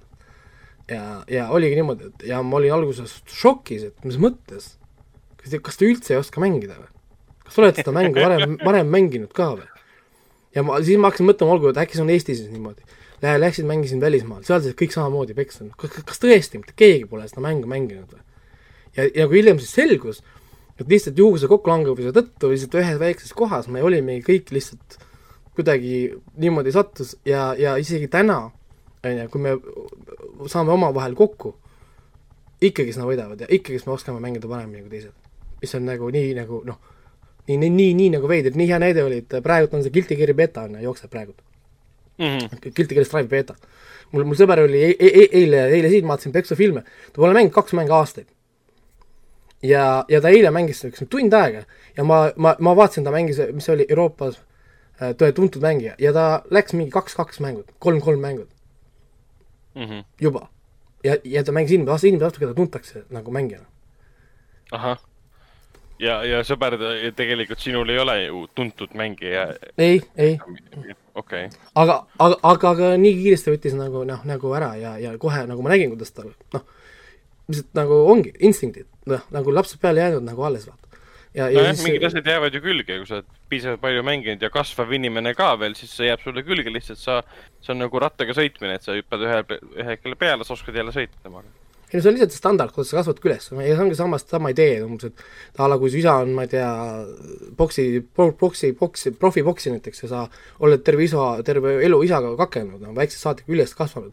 nüüd sa pead ühe korra näiteks puutud kokku päris inimesega, kes ei ole kakelnud, Mhm. siis sa võidki ta ju kohe kogemata maha lüüa lihtsalt, sest noh, sul ei ole seda mõõdupuud, et sa ei tea, et et, et sa, et sa ei tea, et sa tegelikult veetsid aega ja mängisid tegelikult nagu noh, ebanormaalselt nagu, nagu head nendega. Ja siis mm, selle anime idee on nagu tegelikult seesama, et, et lihtsalt ta tuleb keskkonnast, kus standardid on niivõrd palju kõrgemad, et kui ta nüüd puutub kokku tavaliste inimestega, siis ongi nagu lihtsalt noh, nagu noh, et teda ei saa ena- enam nagu võrrelda. siis ega ongi, ega mul animega vist ongi kõik või? Polnudki rohkem mida seekord, et äh, jäi niisuguseks nagu jäi, et äh, aga ma vaatasin filme ka ma alustan siis kõige sitemast filmist, mis ma vaatasin, oli üks peksufilm äh,, Viira. Netflixis on ta olemas, Ind-, Indoneesia oma, seal on ka pärast tuttavad, tuttavad Aa, jälle., tuttavad näitlejad Reidist ja, on ja ju? ma saan, aru, et kõik Indoneesia peksufilmid on täpselt- täpselt samad. väga palju seal valida saab olla, ütleme selles mõttes, et noh, kui sul on vaja ikkagist mingi füüsiliselt äh, superior äh, inimesi on ju, kust, kust, kust sa võtad neid? nojah. ja eks see kvaliteet läheb järjest allapoole ka äh,. alguses võib ju, okei okay,, The Raid kaks oli tegelikult väga lahe. aga need Iku Wise'i järgmised filmid on juba üsna siuksed imelikud. no kõik on niisugune jah, soovib. siis selle filmis on täpselt sama mure, mis on nagu paljudel peksufilmidel on, nad tahavad teha mingit story't. minu küsimus on, miks? miks ei hakka film lihtsalt peksmisega pihta, miks ma pean ootama nelikümmend minutit, et keegi saaks vastu hambaid? Ma ei saa aru sellest asjast. jah, Nagu- no- ja- ja, ja siis oligi niimoodi, et kui me sõbraga jõudsime lõpuks sinnamaani, et see peategelane taheti vastu hambaid anda, siis me ütlesime, me saame aru küll, miks sa tahad, miks sa, miks sa, miks sa, miks sulle tahetakse molli anda, me tahame ka sind lüüa. me oleme nelikümmend minutit vaadanud seda filmi ja sa pole ikka veel kakelnud. mis asja, mis asi see on? mingisugune õde saab seal peksa, siis ta tuleb tagasi sõjaväest ja tõele appi, isa on haige, isal on probleemid, rahad, mind ju huvita see. Kas te saate aru sellest, ma, ma, ei pane tööle sellist filmi, kui, kui noh, ma tahan näha seda peksmist ja ma tahan näha seda kaklemist. lõpuks on muidugi kaks kaklema ja kaklemine oli jälle väga-väga ilus, aga lihtsalt see tuli nii hilja juba, et ma olin juba väga lähedal, et see film kinni panna kolm, kolm korda, et kolm korda. no nelikümmend minutit läheb aega, et ta hakkas kaklema. nelikümmend minutit. Ma ei tea lihtsalt nagu, mis asja. nojah, see on umbes sama kui The Raid kolm tuleb lõpuks kunagi välja ja seal tehakse tund aega karakterite arendust. see on sama, sama teema, et raamat. mitte keegi mitte üheski paralleeluniversumis pole kunagi vaadanud ühtegi Raidi filmi sellepärast, et näha seda story't seal ja tegelaste tausta ja kuidas nende emal läheb ja kõik see, ei. sa lihtsalt lähed majja ja annad tappa, sellepärast sa vaatad. ongi, Reidi point oligi lihtsalt, et mingi, mingi maja, politsei tuleb ja läheb sisse ja hakkab peksmine hakkab pihta. Sa vaatad silmad punnis ja elad täiega kaasa lihtsalt, oh my god, kui hea film. noh, ja, ja ei, Viirat ma ei soovita kindlasti, kuigi siin on ilusad löögid ja kõik on sirged trikid, siin on väga vetseelne see noavõitlus, kus nad tegid ühe, ühe võttega tseen, kus nad kaks venda teevad nogadega omavahel, me mitu korda panin pa- pausi peale, mõtlesin, et kuidas nad tegid seda koreograafiat, kaua neil võttis aega, et seda harjutada. siin on väga palju niisuguseid nagu väga nagu vägevaid nagu noh, nagu trikke ja asju, aga lihtsalt miks see film on kaks tundi pikk? Võta see nelikümmend üks, nelikümmend minti maha ja anna mulle siis tund, ma ei tea, tunniajane film, suva. kui ma saan tu- tund aega peksa, ma olen äh, rahul. ju nad püüdsid mingit nagu päris draamat sinna sisse panna. nojah, et, et isal on võlad ja värgid ja, ja ja samuti oli see, et see üks tegelane rääkis lihtsalt suvalistel aegadel inglise keeles. pool lauset vahepeal inglise keeles, vahepeal oli mingi kolm lauset inglise keeles. miks see nii oli, ma ei tea. täiesti veider, lihtsalt täiesti veider. Nii äh,, siis äh, ma vaatasin ära selle Crime Scene, The Vanishing at the Cecil Hotel. Netflixi no nii, äh, Ma vaatasin ka- doku- no dokumentaali noh kui ja see on päris halb, see dokumentaal on ikka päris, päris mul halb., mulle meeldis. ja see on halb sellepärast, mm, et, mul on et esimene osa vaadatud, nii et ma ei oska üldse midagi öelda, et ärge spoiler ta suri ära. Vend juba ühe spoileri mulle mingi jala kohta ütles, mida oli kuskil, ei, seda tegelikult ei olnud, aga okei okay.. ma nägin seda unes, aga ma ei taha spoilereid, see, see võib, see võib keskpärane olla, aga ma tahaks näha. oota, mis mõttes Aga- spoilerid, et, äkki- et mis juhtus Elisa Lämmiga või? ei, vaata, siin on mingid detailid, mida nad siin selles äh, sarjas nagu välja toovad, mida suurem, suurem avalikkus varem ei teadnud ja, ja kuna mina olen suurem avalikkus ja ma tean ainult seda, et kus ta oli, kui ta kadus, mida ta tegi enne, vahetult enne kadumist ja kus ta lõpetas pärast kadumist. ja rohkem minu jaoks nagu seda infot ei ole. ja kui aga mingi äk- väiksed detailid juurde tulevad, siis see on nagu spoiler minu jaoks. aga äkki me Raikoga räägime viis minutit või midagi laadset. ei, ei ma teen, ma teen, ma teen lihtsalt ränti aga korra. meie kuulajad, ma, ma, ma Ah, ma teen korra kiire rändi. esiteks on ju see story peaks olema väidetavalt Elisa Lämmist, aga no küll okei okay., kuna pealkiri on ikkagi Cecil Hotel, fine. esimene, terve esimene episood, ta räägib ainult kuradi hotellist, et nad hullult pildivad seda hotelli kui mingi suur kurjajuur, okei okay,, fine, esimene ja esimene osa on isegi täitsa okei okay,, päris niisugune mõnus tempokas värk, siis teine osa läheb selles mõttes pointless'iks, sest nad hullult äh, kasutavad, kasutavad uuesti content'i esimesest episoodist jälle. on otseses mõttes sammu tseen, sammu intervjuud, asju jälle uuesti, ma nägin seda just, miks näitab mulle uuesti seda värki, ehk siis nad hakkavad seda täitma oma seda sisu, neil ei ole tegelikult mitte midagi. siis nad hakkavad lihtsalt nagu tegelema igasuguste debildustega ja ringiratast nagu jooksutama ja meelega jätavad mulle valet muljet, et siis hiljem nagu oo, näed, et me tuleme, näitame sulle, mis tegelikult oli siis neil on mingi mõttetu kolmas episood, kus nad toovad sisse need mõttetud Youtuberid ja vandenõuteooriateoorlased, need kuradi interneti uurijad raiskavad sellega räigelt aega. esiteks, sest see üks, üks vend, kes seda intervjuud teeb, kui ma kümne aasta pärast ei näe intervjuud, mitte intervjuud, dokumentaalfilmi sellest samast vennast, et see on mingisugune sarimõrvar või mingisugune eriti saad-, Sadama osa vend, ma olen väga pettunud. Sorry, esiteks see viis, kuidas see vend räägib, mul naine kuulis seda köögis, kui ma vaatasin seda, ütles, et mi- mis sarimõrvat värki sa jälle vaatad ta kohe sai aru häälest, et see vend on vahtlane, see vend peab olema midagi teinud, sorry, kui see vend pole midagi teinud, siis, siis, siis midagi on väga valesti. esiteks tema huvi selle Eliza Lämmi vastu on lihtsalt ebanormaalselt suur. ta, ta maksis kellelegi Kanadas, et see läheks katsuks tema hauakivi ja saadaks talle video. halloo, kas see pole kellelgi red flag kuskil või? sul on õigus. kindlasti serial killer, loomulikult ta on tapja. Et äh, väga nagu kahtlane onju. no ja siis muidugi viimases osas antakse kõik vastused sulle plõmm-plõmm-plõmm kohe kõik ära onju, kõik on nagu tore, ehk siis äh, kus see content tegelikult oli, seal kaks osa on lihtsalt täiesti nagu üle, siin ei ole nagu mitte, mitte mingit nagu sisu onju, noh ja noh, kõik see interneti pullimine, kus nad, kõik see Youtube'ide värk ja see kõik, kõik peaks lihtsalt välja lõikama siit nagu naks, seda pole üldse tegelikult siia nagu vaja. noh, ja, ja muidugi ma tahaks au, auhinna anda siis ka siis kohalikule LA politseile, et nad on kõige mõttetumad uurijad ever onju, me ei teadnud, ta on seal katusel, jah, aga sõna otseses mõttes te just rääkisite, et kui te koertega otsisite, koer näitas, et äh, minge sealt äh, Fire Escape'ist üles, lähevad koeraga ka katusele, siis miks sa ei vaata Valter Tanki sisse, kui seal katusel nagu, tal on koerad kaasas nagu. mis kuradi poli, mis kuradi politsei sa oled? see oli asi, mida nad korrutasid mitu korda üle ka, et me käisime ju katusel ja me ei leidnud. aga nad ei öelnud kordagi välja, aga me unustasime vaadata veepaaki. Selles mõttes, kui te käisite katusel, siis veepaagid on seal olemas, nii et ei vaadanud sinna sisse. see on otseses mõttes ainukene on üsna selge, et miks nad oleksid pidanud Jaa. vaatama ja, sinna ja. pärast, ja pärast korrutati mitu korda seda, et luuk oli ju kinni. mis kurat, koristaja ütles ju konsta-, korduvalt, luuk oli lahti. läks sinna, luuk oli lahti ja koristaja oli selle uuesti ise kinni pannud, siis kui tulid äh, politseinikud.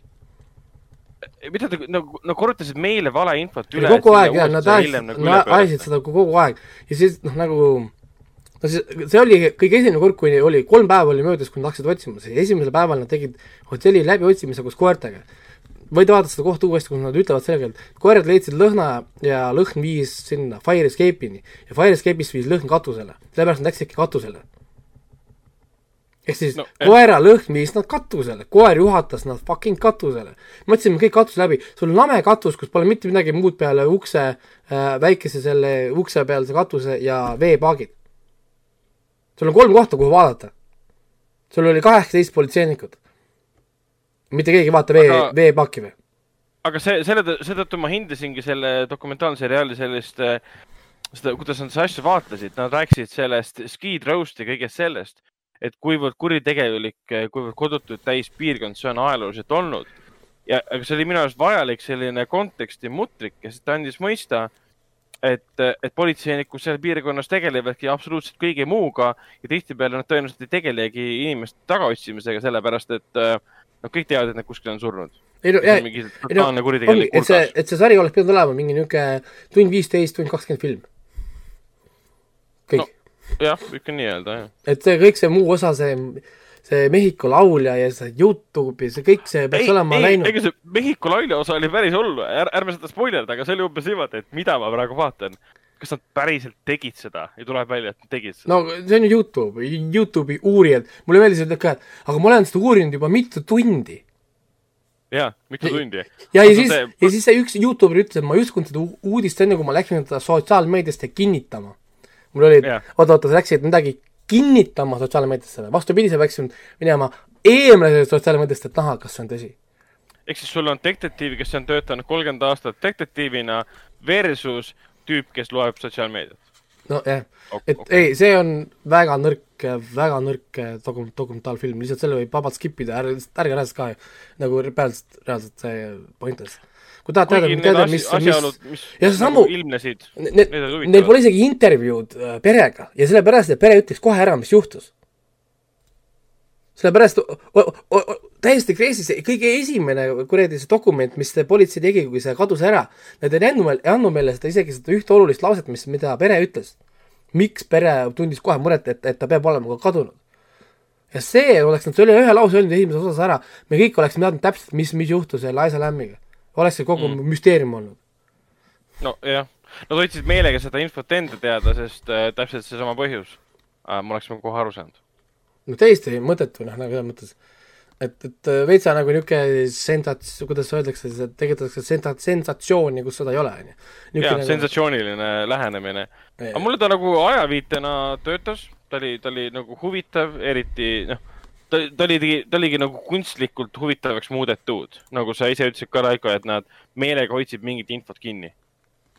nojah, ja, ja mitte ainult ei hoidnud kinni, vaid nad meelega suunasid meid vales suunas. jah, jah. et, et umbes nagu noh, ei mulle see ei meeldinud üldse. ja siis Hen äh, vaatasin Hendrik, veel Hendrik vaatab ka ära ja ütleb oma arvamuse. hoiame aega kokku, ära vaata, vaata, vaata parem midagi muud. ja ma olen liiga huvitatud sellest asjast, et mitte vaadata. No vaata siis viimane osa ära ja jäta, jäta teine ja kolmas vahele, seal ei ole nagu noh, saad ikka sama tal on nii vähe episoode kokku ju, tõesti, väga lühike. ja siis vaatasin ära kaks väga head filmi. vaatasin ära HBO Maxist äh, Judas and the Black Messiah ja oh,, jaa. ja Nicolas Cage'i Oo äh, Willis Wonderland, mis on siis Amazon Prime'i äh, või ole, olemas. Ja mõlemad on väga head filmid, on ju. esi-, noh, ma ma alustan siis Willis Wonderlandist, on ju. esiteks äh,, spoiler, Nicolas Cage ei ütle filmis mitte ühtegi sõna. mida? jah, Nicolas Cage ei ütle mitte ühtegi sõna filmi jooksul, null sõna, tal on null sõnaga roll. aga see on nii Päriselt? awesome, jaa, see on nii awesome, see karakter on tal nii vägev päriselt või? ja ta ei ütle ühtegi sõna. ja ei, täiesti null, ta ei ütle isegi mitte ühtegi sõna, ta teeb ainult õh ja vahepeal karjub asju, aga ta ei ütle mitte ühtegi, mitte, mitte ühtegi sõna. ja see on nii kihvt, aga sa, saad aru, aga sa saad, sa, sa, sa, sa saad aru kõike, mida ta nagu tahaks öelda pilkudega, see on nii kihvt. Aa, okei, okei, arusaadav ja, ja. et, et äh, ma pole ammu näinud nii badass karakterit kui siis see, keda ta siin filmis nagu äh, mängib. ja, ja filmi idee on äh, noh, põhimõtteliselt ma võin öelda, mis premise siin on, on siis see, et meie peategelane, kelle nimi äh, on The Janitor, sest me ei tea, kes ta tegelikult on, sõidab oma uhke ilusa, mis ta oli, Chevy'ga linnast nagu läbi, sõidab üle mingisuguse selle politsei selle mis seal on, siil või see, mis siis kummi, kummi, kummid ära lõhub. Ja rehvi lõ- lõ- lõhkumiseks, jah, jah. jah, siis ta tellib selle autoremondi endale järgi ja läheb autoremonti, öeldakse, et tahetakse tuhat dollarit saada ta käest, ta tahab maksta kaardiga, aga öeldakse, et kuna kaardiga maksta ei saa, linnas pole ATM-i ka ei ole, et siis meil on probleem. siis ta kutsub ühe tuttava, kellel on talle tööd pakkuda, siis öeldakse, et näed, et meil on siin üks vana mahajäetud äh, Willis Wonderlandi nimeline laste peokoht, et jää ööseks siia, tee see korda, nii hästi, kui sa seda korda teha saad, ja hommikul sinu auto ootab siin äh, ees. mees on sellega nõus, hakkab siis koristama, aga koristamise ajal, kui ta koristab, äkki mingisugune suur robot hakkab teda selga torkima, mille peale siis äh, tema ei suhtu väga hästi sellesse, et mingisugune veider robot tahab tema koristamistööd segada. iga tunni aja tagant tal on täpselt paus, kell piksub, siis ta peab minema jooma, ükskõik, mis siis toimub, kui temal telefon piksub või see käe- käekell piksub, temal tuleb joogipaus. ja parem on teda mitte segada siis selle jo-, jo-, joogipausi ajal. Et see on kõik, kõikidele palju tervislikum, kui, kui jätta ta selleks ajaks korraks rahule.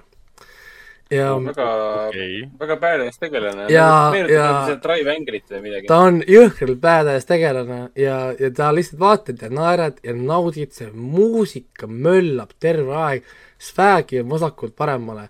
Nicolas Cage kakleb siin mingi mitmete erinevate robotitega, erinevate nägudega, on siin neid gorillasuguseid, on siin neid haldjatega, haldjaga nagu roboteid, on siin äh, see jaanalind ja on siin see äh, viised, noh nirk ja ühesõnaga erinevad need niisugused loomad, kakleb seal nendega ühtepidi ja teistpidi ja siis on, siis on seal ühed kohalikud noored, kes lähevad talle appi, tahavad talle appi minna, sest äh, et päästa siis teda sellest neetud äh, kohast, mis on siis nagu kurjade vaimude poolt siis vaev-, vaevatud. Aga kui, kui nad sinna jõuavad, nad saavad aru, et Nicolas Cage'i karakter ei ole ei ole abi vaja absoluutselt ja ka nendel on mõistlik mitte segada teda koristamisel, sest tal on ülesanne, ta peab ära koristama hommikuks kõik. nii et äh, jah, ja seda ta teeb, ta koristab ja ta koristab kõik ilusti ära. Ja väga, väga, väga, väga, väga kihvt film. Äh,, vaatasin ja, ja naersime ja, ja tõesti nagu Nicolas Cage'il oli nii sobilik roll, ta teeb oma, oma nä- nägudega ja ilmetega nii palju, et sa tegelikult, sa põhimõtteliselt sul jääb mulje, et ta nagu räägiks, aga tegelikult ei ütle mitte ühtegi sõna. ehk siis tema terve stsenaariumis, ta ei pidanud ühtegi sõna, sõna meelde jätma, mis tegelikult on väga, väga kihvt roll. no see on küll väga äge, see kõlab umbes sedamoodi, et äh, päris paljud ju vaatavad seda filmi umbes selliselt, et noh, see on järjekordne Nicolas Cage'i niisugune madalalaubaline värk.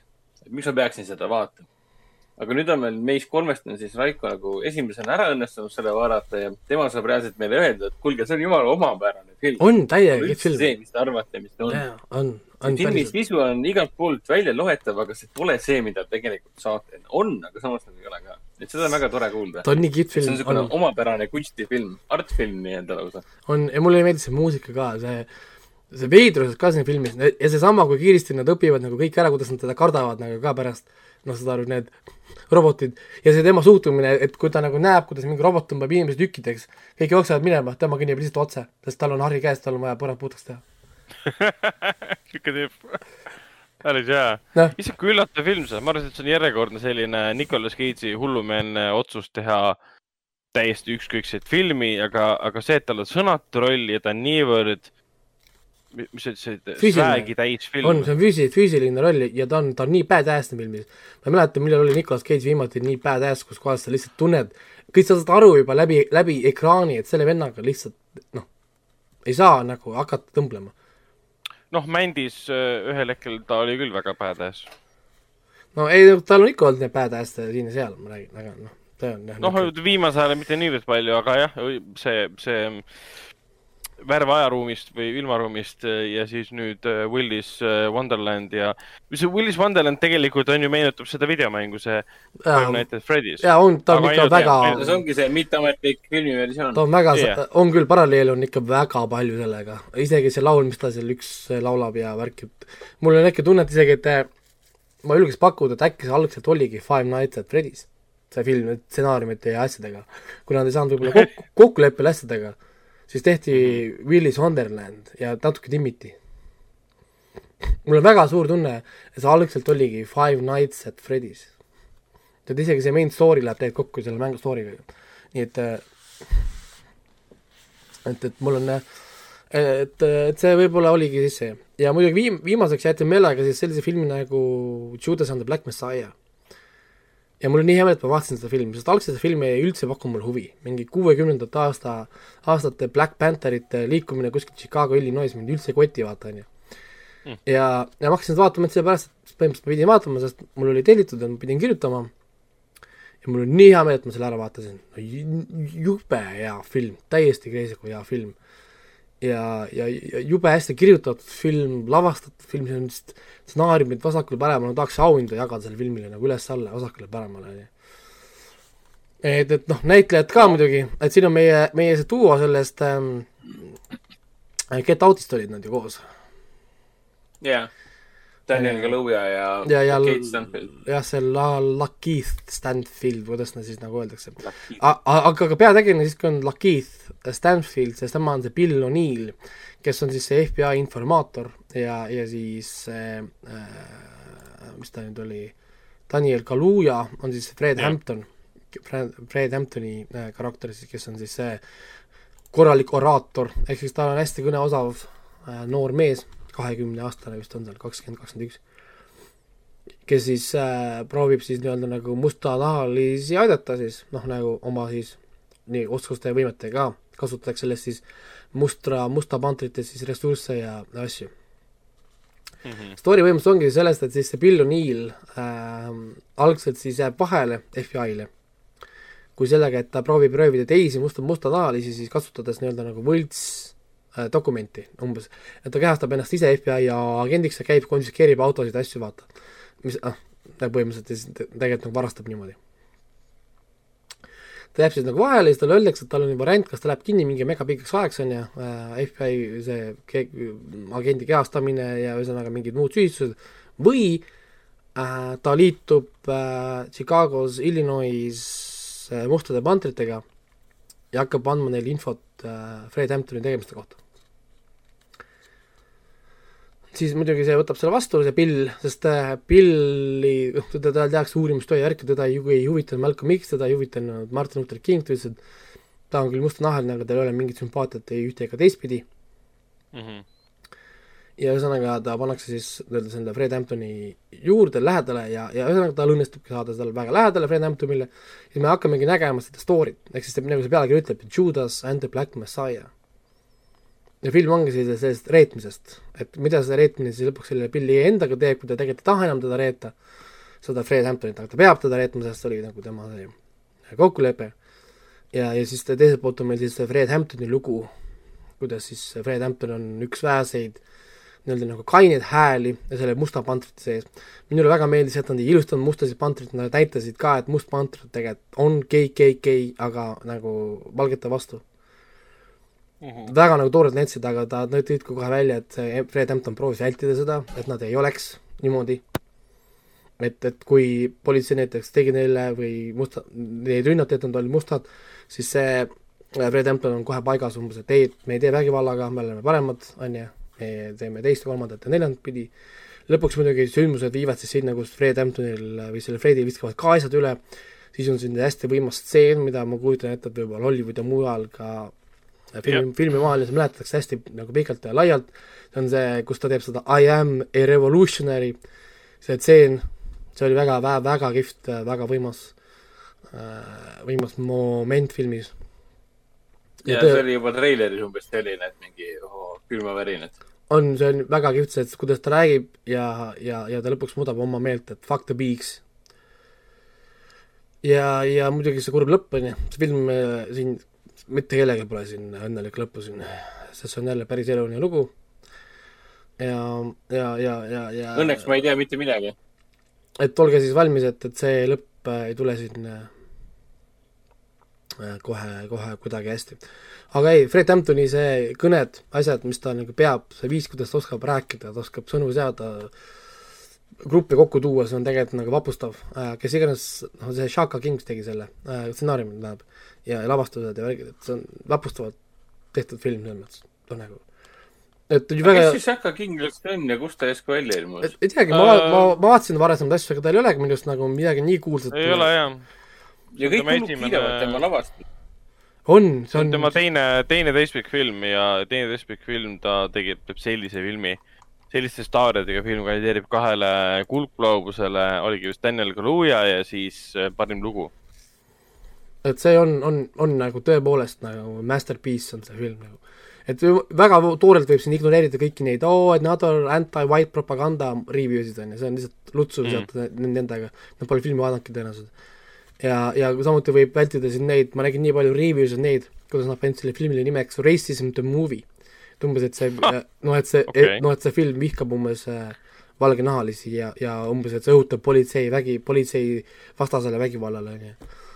Nope, vaadake palun seda filmi. täielik jama. vaadake ennem nagu filmi, vaadake konteksti, vaadake korra karaktereid onju ja siis vaadake, mida see film tegelikult meile nagu räägib. enne kui sa hakkad siin nagu noh, mingeid mõttetuid nagu ma ei tea, mis iganes asju nagu noh, ütlema. et no te- Jokeri kohta öeldi ka, et intselid tulevad tänavatele uh,, midagi juhtunud. No jah, noh, selles mõttes, et mina olen tegelikult olnud väga palju vastu nendele mõttetutele filmidele, mis on musta, kus on mustanahalised ainult sellepärast, et nad on mustanahalised, noh nagu lihtsalt, oo, meil on diversity ja mis iganes crap'i nad teevad, nagu see praegu on see story selle kuni, kuningannaga, on ju. see Inglismaa kuni, kuningannaga, et et võeti see mustanahaline ma mäng. nägin jah, mingi seriaal on tulemas. nojah, see on nagu, see on lihtsalt mõttetu, see on täiesti pointless. aga vot sellised story'd on ju, nagu päris story'd, nagu sügav päris eluline story, kus on siin on nii palju asju siin filmis, sellest filmist tahaks tegelikult hakata nii pikalt nagu rääkima, siin on nii palju erinevaid momente, kohti, noh, ilma nagu spoil mata, seda on võimatu teha, aga ütleme noh, nagu ja muidugi lõpp on ka, sa tead, mis tuleb, ma teadsin, mis tuleb. ma nagu, ma teadsin sellepärast, et too kord, kui ma lugesin selle filmi The Trial of Chicago Seven mm, -hmm. siis väga paljud nimed kattuvad ja siis ma tegelikult nägin, mis juhtub, noh, inimestega antud siis äh, äh, siis on ka ju Chicago, Illinois ehk siis Trial of Chicago Seven, noh, saad aru, samad näod, samad nimed, käivad ka siit läbi ja, ja mm, -hmm. ja siis ma tegelikult tookord nägin juba ära, mis osade inimestega juhtub siin ja seal. ja isegi kui sa nagu näed lõpuks seda ja tuleb sulle kiri ette, mis nende karakterite või inimestega juhtub, siis on see, et holy shit, come on.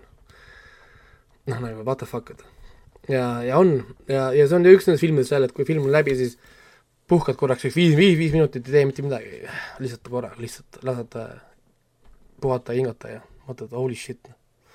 kurat, ma, ma võtan ta esimesel võimalusel ette. selle peab niikuinii tänavu ära vaatama, sest ta on HBO Maxis olemas, pluss ta on tänavune Oscari suur soosik ka. et jaa, ei nagu päriselt no., nojah, täpselt ja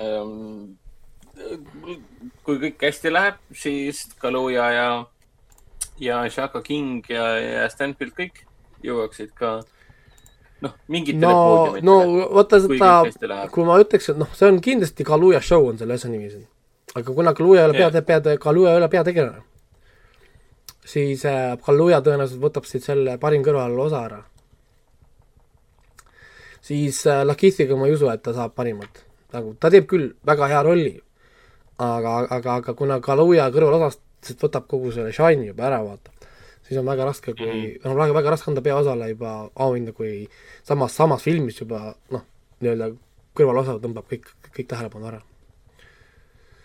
et, et aga Shaka King ka lihtsalt see film, kuidas ta nagu tehtud on ja siin on tegelikult nii palju julgeid asju, et, et isegi näiteks see, ma kujutan, kujutan ette, mustanahalistele näiteks Ameerikas võib hakata vastuidee, et kuidas sa näitad Musta Panterit kui terroriorganisatsiooni.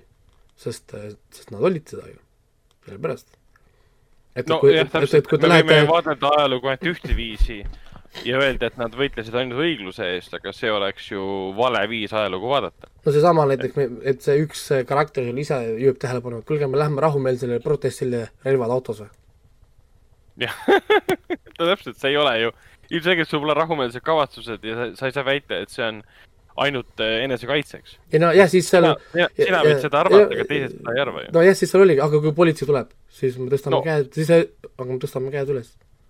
aga okei, noh, et siis, et, et nad, nad tõid nagu niisuguseid asju ka nagu välja ja, ja, ja, ja noh, nagu niisugused asjad. no ja muidugi neil, ühesõnaga vaadake, siin on nii palju asju, asju ma võin jääda, ütleme siia sellesse tsü- tsüklisse sellest Ringrõtast rääkima, et tõepoolest väga-väga hea liid ja ma poleks seda vaadanud, kui poleks olnud niisugust nagu vajadust ja mul on väga hea meel, et ma vaatasin ja, ja tõepoolest loodan, et inimesed vaatavad, annab võimaluse ka, et, et ei tasu mõelda, et see on jälle anti-white propaganda, kindlasti mitte. Need on päris elulised, elulised inimesed ja, ja üks traagilisem lugu kui teine, aga väga õppe, õpetlikud lood ja, ja juba lihtsalt ainuüksi selle Fred Hamptoni kõnede pärast kas või. kuulake, mida ta nagu räägib, tema need kõned, mis ta nagu teeb seal filmis. Mhm. et kui, kui, kui hea jutt tegelikult nagu mehel nagu oli ja, ja kui see mees oleks täna elus, mida ta oleks võinud tegelikult nagu saa-, saavutada nagu. jah, ka, ongi minul nagu kõik, et andke minna, rääkige, mis teil oli. ja Hendrik, Hendrik tahab, tahab meile rääkida isegi mitte enam filmist ega, ega seriaalist ega muust kogemusest, isegi mitte Lux Expressi äh, kogemusest, aga ta tahab rääkida meile Beyond the Screenplay nimelisest filmi podcast'i kogemusest. okei okay,, nüüd me hakkame juba podcast, podcast'idest ka rääkima või? Podcast'is räägime lihtsalt- podcast'ist. ma lihtsalt tahtsin korraks mainida, et ma siin nüüd selle nädala jooksul olen siis eh, töö juures muud asjade kõrvale kuulanud Spotify's kogu aeg jah, seda Beyond the Screenplay, Screenplay nimelist podcast'i, millel on ikka väga palju, noh, episoode. Ma ei teagi, mis aasta nad alustasid siin, jumal joo, tundub, et mingi, kaks tuhat üheksateist veebruaris. ja ma olen päris palju siin juba nende poolt ära kuulanud, siin kuulasin kõik sõnumist lisandada triloogia tegid nad ära, lubasid ka käevikust teha uh,. seda Batman, esimest Batman Beginsi kuulasin, Stranger Thingsi kuulasin uh, ja midagi head oli siin veel.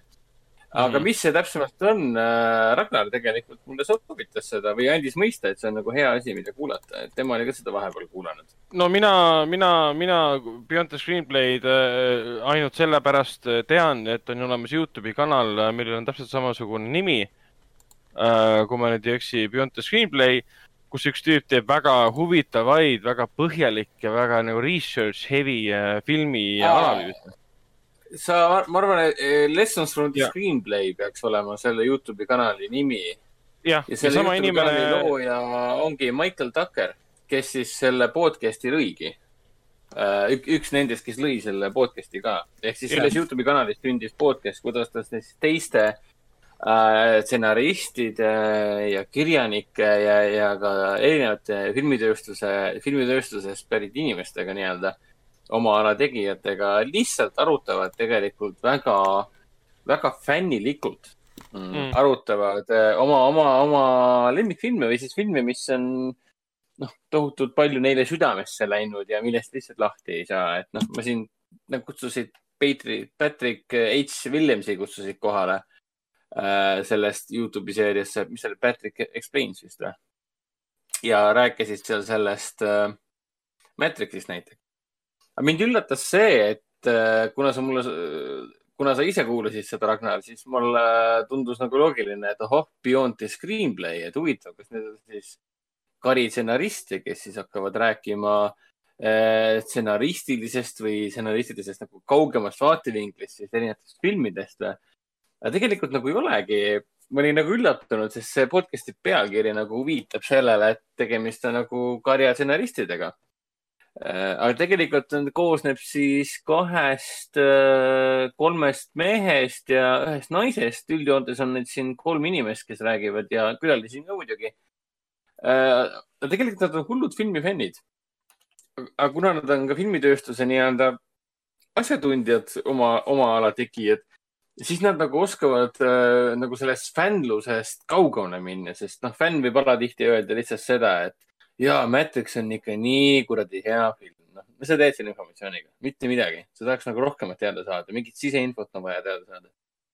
aga kui on nagu fänn ja professionaal korraga, siis on nii huvitav kuulata, kuidas nad nagu teavad infot isegi, mida mina ei pruugi teada, et noh, see, eriti see, kui nad siin kuulasid, kuulasin seda, kuidas nad rääkisid sõnumist isandast ja mm.. seal oli palju huvitavat infot. Ja et ma ei jõua ära oodata, et ma saaksin äh, seda nelika sõnumist isandaga nüüd äh, alustada. kuna nüüd on meil peres olemas nii-öelda, minu ja venne peres nii-öelda, on olemas see nelika UHD Blu-ray mängija. ja ma mõtlesin, et seekord peakski alustama puhtalt tänu Beyond the Screenplay podcast'i kuulamisele, et peakski alustama tegelikult sellest äh, filmi tegemise, sõnumstisende tegemise, tegemise dokumentaalfilmidest. miks, sellepärast et ma olen neid filme ja sõnumstisende filme nii palju näinud ju. alles need, alles need olid kinos ju. kaks tuhat üheksateist detsembris olid need kinos siin maratonid ja kaks tuhat kakskümmend pärast esimest lockdowni ka. ja noh, nüüd me siin oleme ja siis hea meelega nagu vaataks alguses, kuidas tehti, mida kõik räägiti, kõik need mitukümmend tuhat tundi, palju neid seal kokku on. ja siis alles vaataks filmi uuesti no,. loomulikult ainult täispikka. Aga soovitan kuulata kõigil nagu filmi, filmi, filmifännidel, filmihuvilistel, need, kes nagu tahavad rohkem, mitte, mitte otseselt rohkem teada, aga kõikidest erinevatest teemadest, mis mingitest väga kuulsatest filmidest nagu valitsevad. et selle koha pealt on see podcast väga-väga huvitav. et äh, kindlasti ei, ei, ei pruugi kõigega nõustuda, aga see on nagu osa, osa asja võlust, et noh, kindlasti soovitan ja ta ei ole selline suvaline podcast, ikka väga, väga asjatundlik tekst, väga hästi läbimõeldud, kuidas nad seda kõike nagu kolmekesti, keegi, keegi otseselt ei vaidle ka omavahel, mis on nagu natukene kummaline. erinevalt siis äh, meist, kus midagi pole läbi mõeldud ja me ainult vaidleme. nojah, me, me siin väga palju vaidleme. jah, nii, aga räägime siis päris asjadest ka. ma siis räägin kähku ära need sarjad, mida ma olen vaadanud, mis ei ole WandaVision. kuues hooaeg, kuues osa. kas me eelmises saates rääkisime? räägi. sellest, räägime Vanda Visionist, kui see läbi on nüüd, et vahepeal pole mõtet ennem vist rääkida, kui see nüüd on et ei ole läbi. mõtet, muidu Paar- eelmisel paar- me Vandast ei rääkinud. paar episoodi on jäänud ju jäänud ja, ja siis praegult oli nagunii ka see suur, kus käis see guest character'ina korraks seal, aga, aga noh.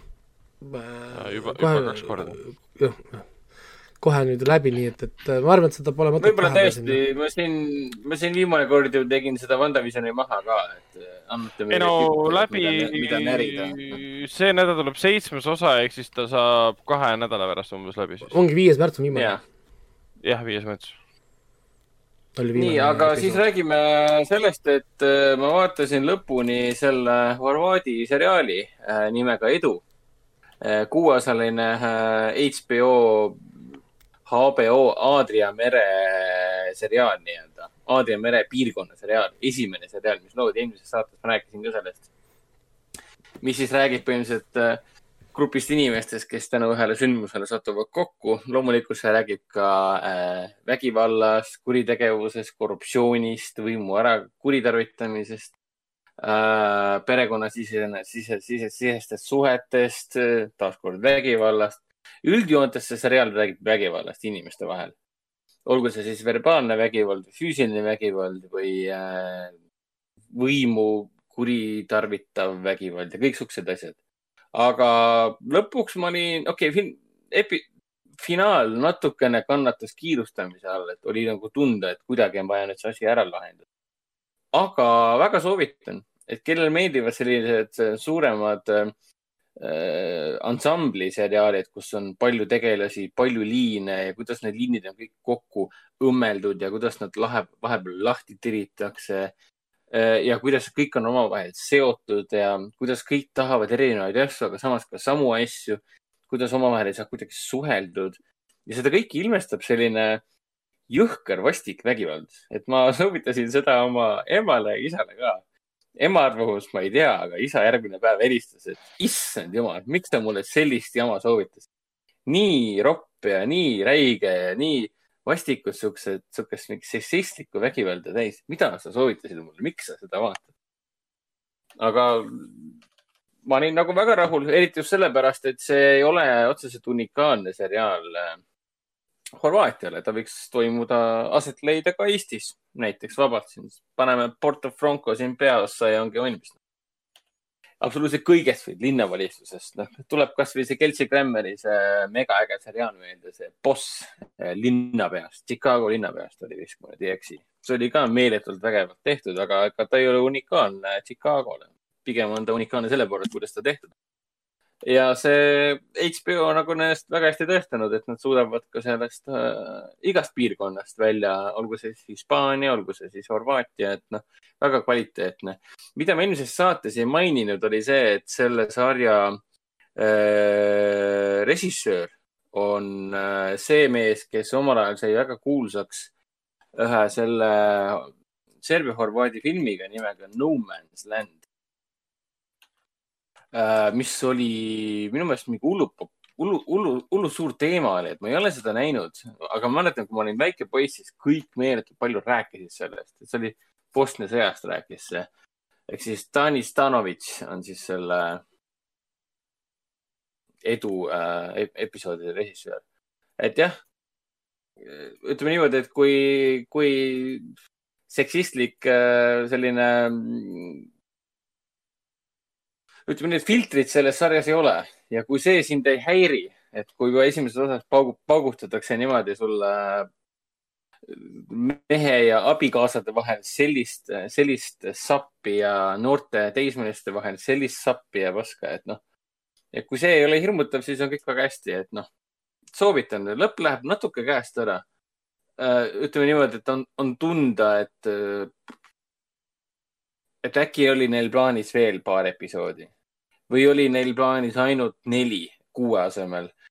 natuke oli seda tunda, aga noh, annan andeks, sest selle sarja kõige ägedam osa on selle nii-öelda põhipaha, main villain. et äh, ja ütlen, ma ei tea ühtegi neist näitlejatest, kes siin Hor Horvaatia näitlejates on, aga see, see põhipaha on siin umbes niimoodi, et jääb ikka pikaks ajaks meelde. eriti just selle poolest, et äh, üks asi on see, mida ta teeb, aga teine asi on see, kui enesekindlalt ta äh, mingi, mingeid teatavaid asju teeb äh, ma ei saa väga palju rääkida, sest nagu jah, millega ikka põhipaha tegeleb, ta jah, teeb kurja, kurja asju. et ja väga kiidan ja soovitan kõigile ette võtta mm.. kuna ma sarnaselt, sarnaselt sinule, ma ei ole Horvaatia näitlejatega kursis, siis ma uuringi, et mismoodi see põhipaha seal välja näeb. kui ma vaatan IMDB-s pilte põhipaha on äh, pintsakus äh, ah, vanem, vanem mees. ei, ta ei ole kiilakas. aa, see on vale pilt. tal on niisugused peas. aa, pintsakus vanem mees. uus pieh. habe on tal. Kolmeteistkümnes pilt IMDB-s, okei okay.. ei, habet tal ka ei ole. kurat, see on ikka vale inimene. aa, leidsin, vist on, meenutab mingit norrakat olema, blondid juuksed või? jaa. aa, okei okay., jah ja kusjuures väga ägedad äh, näitlejad on kokku korjatud, et alguses tundub, et nad on siuksed ärplejad, aga, aga ühel hetkel taipad, et kui erinevalt, kui erinevad äh, nagu näitlejad on kokku korjatud, kui erinevad tegelased nad ikkagi on. ja siis vahepeal mõtled ka, et kuivõrd lihtne oleks muuta need tegelased nagu niivõrd igavaks sa oleksid juba teisest episoodist selle seriaali kinni pannud. umbes nagu see Netflixi Freudi seriaal, et mis on lihtsalt ei läinud huvitavaks pärast esimest, ma ei tea kahtekümmet minutit. nii, aga mainiks veel seda palju, nii palju ka, et seda ääremaad vaatan edasi, Hinterland, mina vaatan seda ETV vahendusel, et sest elus on traditsioonid tähtsad. siis laupäeva hommikuti, kui on aega, paned Hinterlandi tööle ja vaatad poolteist tundi, siis Briti, noh, jah, Walesi kõm, kõmbri seriaali ja hästi lühidalt muidugi peatuksin sellele, et teine osa äh, hakkab üha rohkem meeldima, hakkab meenutama seda Shetlandi tunnet. et selline Shetlandi võõrustusnähud hakkavad vaikselt üle minema äh,. see, see taaskord on see tunne, et ikkagi tahaks väga seda kõmrikeelset versiooni saada. sest mis, mis ma sellest siis nagu inglise keeles vaatan? kogu elu on inglise keeles, et noh, kui ikkagi võimalus on, siis vaataks midagi muus keeles. aga kiidan läheb muidugi kogu aeg sinna, sinna nahka, et äh, inimesed ikka, ikka väikestes kohtades on ikka jõle, jõle kauge, kauge piinarikka mineviku ja taustaga ja, ja hetkel see kõik maksab ikka kõvasti-kõvasti kätte. et päris hirmus, päris hirmus elu on seal kaugel-kaugel äh, Suurbritannias. kuule, aga rohkem äh, seriaale ma ei vaata, okei okay,, WandaVision, WandaVisionit ma vaatasin. kas sa, Ragnar, tahad sellest rääkida? Tahad sa, tahad sa midagi mainida kasvõi või? ma ei tea, kas eelmises saates mainisid midagi, et on see su parim lemmikseriaal üldse? ei, ei maininud peale selle, et mulle ta endiselt meeldib. aga ma arvan okay., et võtame Raiko soovitused kinni. ja, ei sellest piisab, mind, mind lihtsalt huvitas, et äh, aga mainiks, äh, mainiks ära siis äh, nii enne kui me räägime kolmest äh, Lõuna-Korea filmist, ma mainiks ära, et ma siis äh,, eelmine kord juba rääkisime, ma vaatasin Brooklyni lõpuni, ei, ma vaatasin alles nüüd lõpuni. vaatasin Brooklyn Nine-Nine'i seitsmenda hooaja lõpuni, et kaheksas on tulemas, et see on väga hea. pärast kaheksandat rohkem siis ei tule. seitsmes hooaeg mulle väga meeldis äh,. mulle meeldis ka see, et seitsmes hooaeg lõpeb täpselt niimoodi, et sa saad aru, et neil pole mingit muret. Nad arvasid, et neil tuleb siin viis hooaega veel vähemalt aga samas oli väike pettumus ka, et ta lõpeb, lõpeb täpselt niimoodi, et äh, lihtsalt nagu, nagu jooksu pealt, et ei ole mingit suurt sündmust, ei ole mingit pulmi, ei ole mingit suurt ettevõtmist või sellist farewell'i äh, on üks teatav event on seal olemas, millega tavaliselt lõpetatakse hooaegu, aga see ei mõjunud üldse sellisena. Aga endiselt suurepärane seriaal ja, ja kohutavalt naljakas ja ma hakkasin uuesti vaatama ka esimest hooaega korraga, vaatan enamus episoode, ma isegi mäletan. ma arvan, et esimest hooaega ma olen mitu korda uuesti vaadanud, aga, aga ma ei mäleta enam siis, äh, siis äh, Disenchantment äh, part kolm olen aegamisi vaadanud ühe episoodi kaupa, sest lihtsalt see kakskümmend minutit, mis seal läheb mööda no ta ei ole lihtsalt nii huvitav, ta ei ole nii naljakas, ta ei ole nii fantaasiarikas. see, see pinge seal, mis tegelaste vahel on, eriti selle Diabiini siis äh, ema ja siis kuningriigi ja isa vahel, see ei ole huvitav, see on nii korduv ja see on nii, aga ta ei ole jama ka, ta on, see Elfo on ikka tegelikult päris äge äh, karakter, eriti kuidas ta teeb nalja, siukseid seksuaalseid nalju um,. kuidas näiteks Diabiini ühel hetkel ütleb Elfole, Elfo on siis väike haljas, roheline haljas, ütleb Elfole, et sa, sa meenutad mulle oma ema. Ja sa oled nagu ema, keda mul kunagi ei olnud. mille peale siis Elfo ütleb, et aa, see hävitab nii palju minu fantaasiaid, aga samas loob mitmeid uusi, et see ütleb seda siukse lapseliku häälega, et see on hästi-hästi naljakas. seda ma üritan nagu lõpuni vaadata, aga suht aeglaselt läheb. Ja siis ma vaatasin täiesti, täiesti ootamatult uuesti üle siukse õudusfilmi nagu As, As Below või tähendab As Above, So Below, mis saabus nüüd eelmisel nädalal, ei, sel nädalal saabus Netflixi. ma nägin seda siis kaks tuhat neliteist, nägin seda kinos. mulle ta toona meeldis.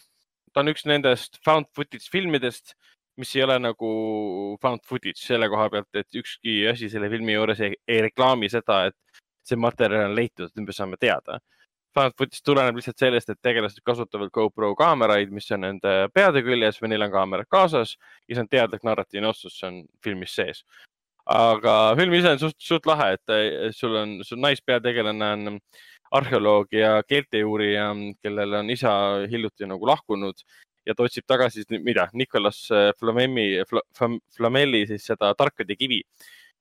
aa, see oli sellest. mis, mis muudab metalli äh, kullaks ja äratab surnud ellu ja kõik siuksed asjad. ja, ja, ja. ja siis ta, siis ta saab teada erinevate asjade, asjade abil, siis saab teada, et see võib asuda Pariisi all, sest noh, me teame kõik, mis on Pariisi all, seal on iidne, mitte iidne, aga kaua aega tagasi oli seal äh, püsiv surnuaed, surnute katakombid, mis on paksud-paksud luid täis siiamaani, et sinna saab alla minna ja ekskursioonidega ringi jalutada. Nemad saavad teada, et nemad peavad hästi-hästi sügavale maa alla minema sinna katakombidesse, kuskil seal on siis Nicolas Flameli tarkade kivi.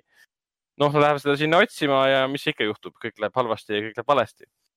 et seal on, seal on kurjuse jõud, seal on kurjad vaimud, seal on katsed nii-öelda, et see kõik on selline jube mäng, mis on tehtud inimestele, et nad nii-öelda lähevad justkui põrgusse, kus neid sunnitakse oma pattudele vastu astuma ja kui sa ei suuda seda teha, siis võetakse kaasa.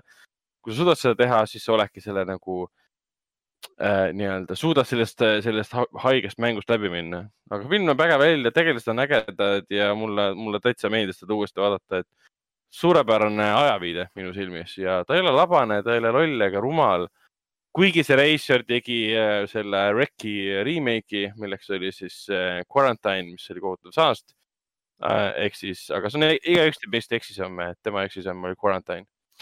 Aga millest me tahaksime kindlasti pigemalt äh, või noh, peatuda korraks on siis kolm Korea filmi, Lõuna-Korea filmi Midnight Runners, The Battleship Island ja Space Sweepers. ja esimene kuule, aga enne kui lähme edasi, siis ma mainiks veel ära selle filmi mis ma Space Sweepers, see on mul ka vaadatud, ma lihtsalt pole, oota mul no vot, list listidest vahepeal välja jäänud siin. ja, aga See- enne kui lähme, siis äh, mul jäi üks film vahele ju äh,, millest ma, mida ma ei jõudnud rääkida. Valentinipäeval äh, mõtlesime, mida vaadata ja tahtsime näha midagi, mis ei ole nagu inglisekeelne ja äkki võiks olla Aafrikast. ja siis leidsime siukse toreda filmi nagu Atlantics äh, või siis, see on vist Netflixist leidsime, ehk siis prantsuse keeles on Atlantique või midagi sellist. aga päris äh, tore lugu, mis leiab aset siis äh, Dakaris äh, seal Aafrika, Aafrika mandril. ja ausalt öeldes natuke meenutas seda mõne aasta tagust äh,. mis need oligi, Zombie Child või? ma ei tea, kas keegi on seda näinud või? ei, see on selles. Shadow'is kõige ees alati, aga, aga ei ole seda veel tööle pannud. no Zombie Child ei olnud midagi väga head, selles mõttes ta oli pigem igav ja niisugune, filmi pealkiri viitas millegile, mida ta tegelikult ei ole ja kõik siuksed asjad. Aga see Antarctics, miks ma seda üldse vaatama hakkasin, sellepärast et äh, see on äh, naisrežissööri poolt tehtud, mustanahaline naisrežissöör, kes on mingist, tema nimi on Mati Diop. ja see, ta on mingisugusest suurest perekonnast pärit, mingist teenekast perekonnast, kes on kõik mingid filmitegijad ja muusikud ja ma ei tea, mida kõik iganes veel. ja ta oli, see film oli siis kahe tuhande üheksateistkümnendal aastal seal Cannes'i filmifestivalil ka. Ja isegi hakkas kandideerima, oligi üks nendest, mis kandideeris ka sellele Palm d'Orile või? jah, võistlusprogrammis. ja veider oli ka see, et sellele filmile omistati siis äh, esmakordne tunnustus, et äh, see oli esimene äh,, esimene mustanahalise naisrežissööri poolt lavastatud film, mis jõudis siis Cannes'is võistlusprogrammi üldse, võistlusele, et kandideerida Palm d'Orile. Pluss Barack Obama oli aastal kaks tuhat üheksateist selle oma lemmikumaite filmide nimekirja uh.. see nagu, see nagu ütles ka midagi uh,. noh, IMDB-s ma panin sellele filmile vist äkki seitse, kümme, kui ma nüüd päris ei eksi. ta on küllaltki ambitsioonikas film, aga ta on, äh, ta on väga nagu selles omas mahlas, et sa näed, et ta on ikkagi väga-väga kohalik film ja noh, kohalikud mõtlevad kõik, ei kuuskümmend isegi panin, peaks äkki tõstma.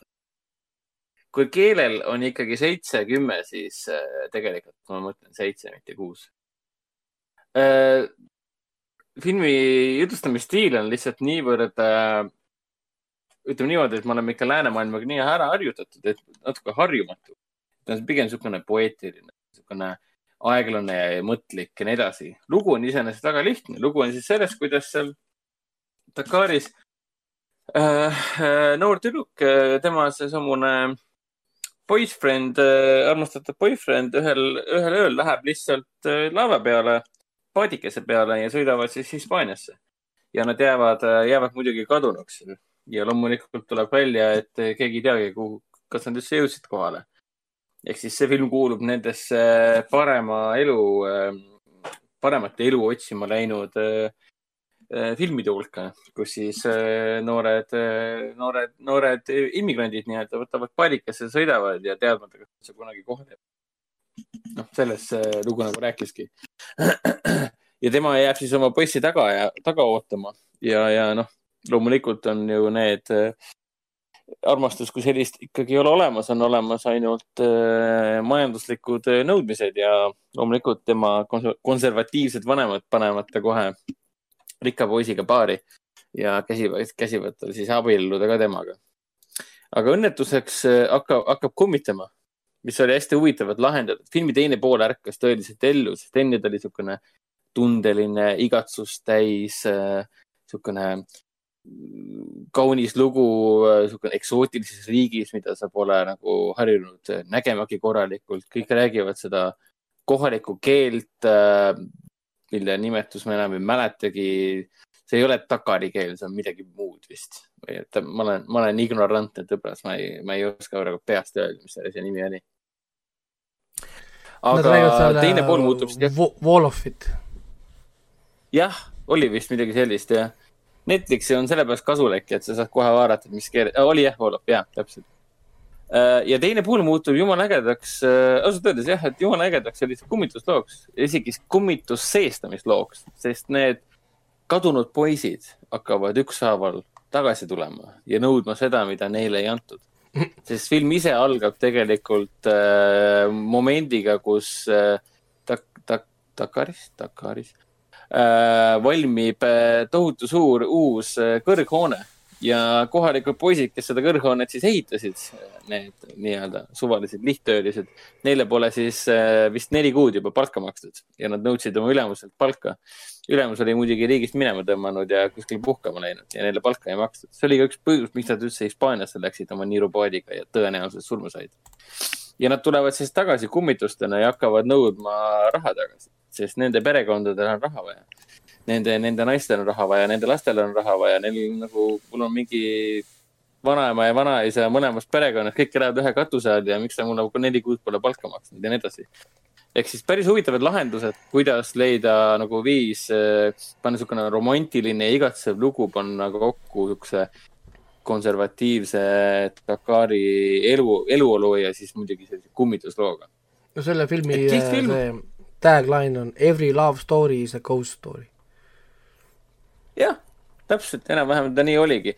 eriti just sellest vaatevinklist, et tüdruk mingi, mulle meeldib see poiss, et äh, ma vist armastan teda ja siis ema mingi, ta on mingi vaene rott ju, vaata see mees seal istub oma johi peal, ta tõmbab sigarette, kingis sulle iPhone'i.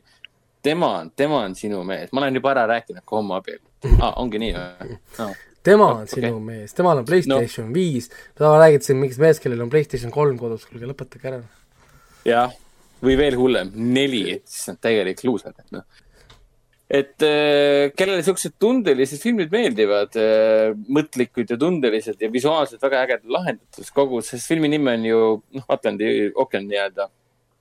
ja kogu film on täis viiteid ookeanile, mis on hästi-hästi kihvt.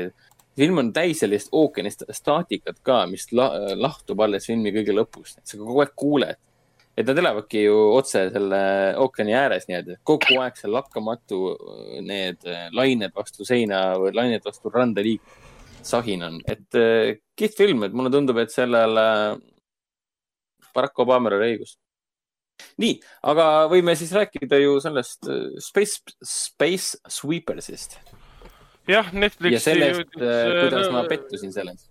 Lõuna-Korea eepiline kosmose ulmekas, mis veits nagu meenutab siis ähm, Galactica valvureid ähm, selle koha pealt, et sul on nagu Band of Misfits on peategelased äh,. seal on suurem keskne võim nende ümber.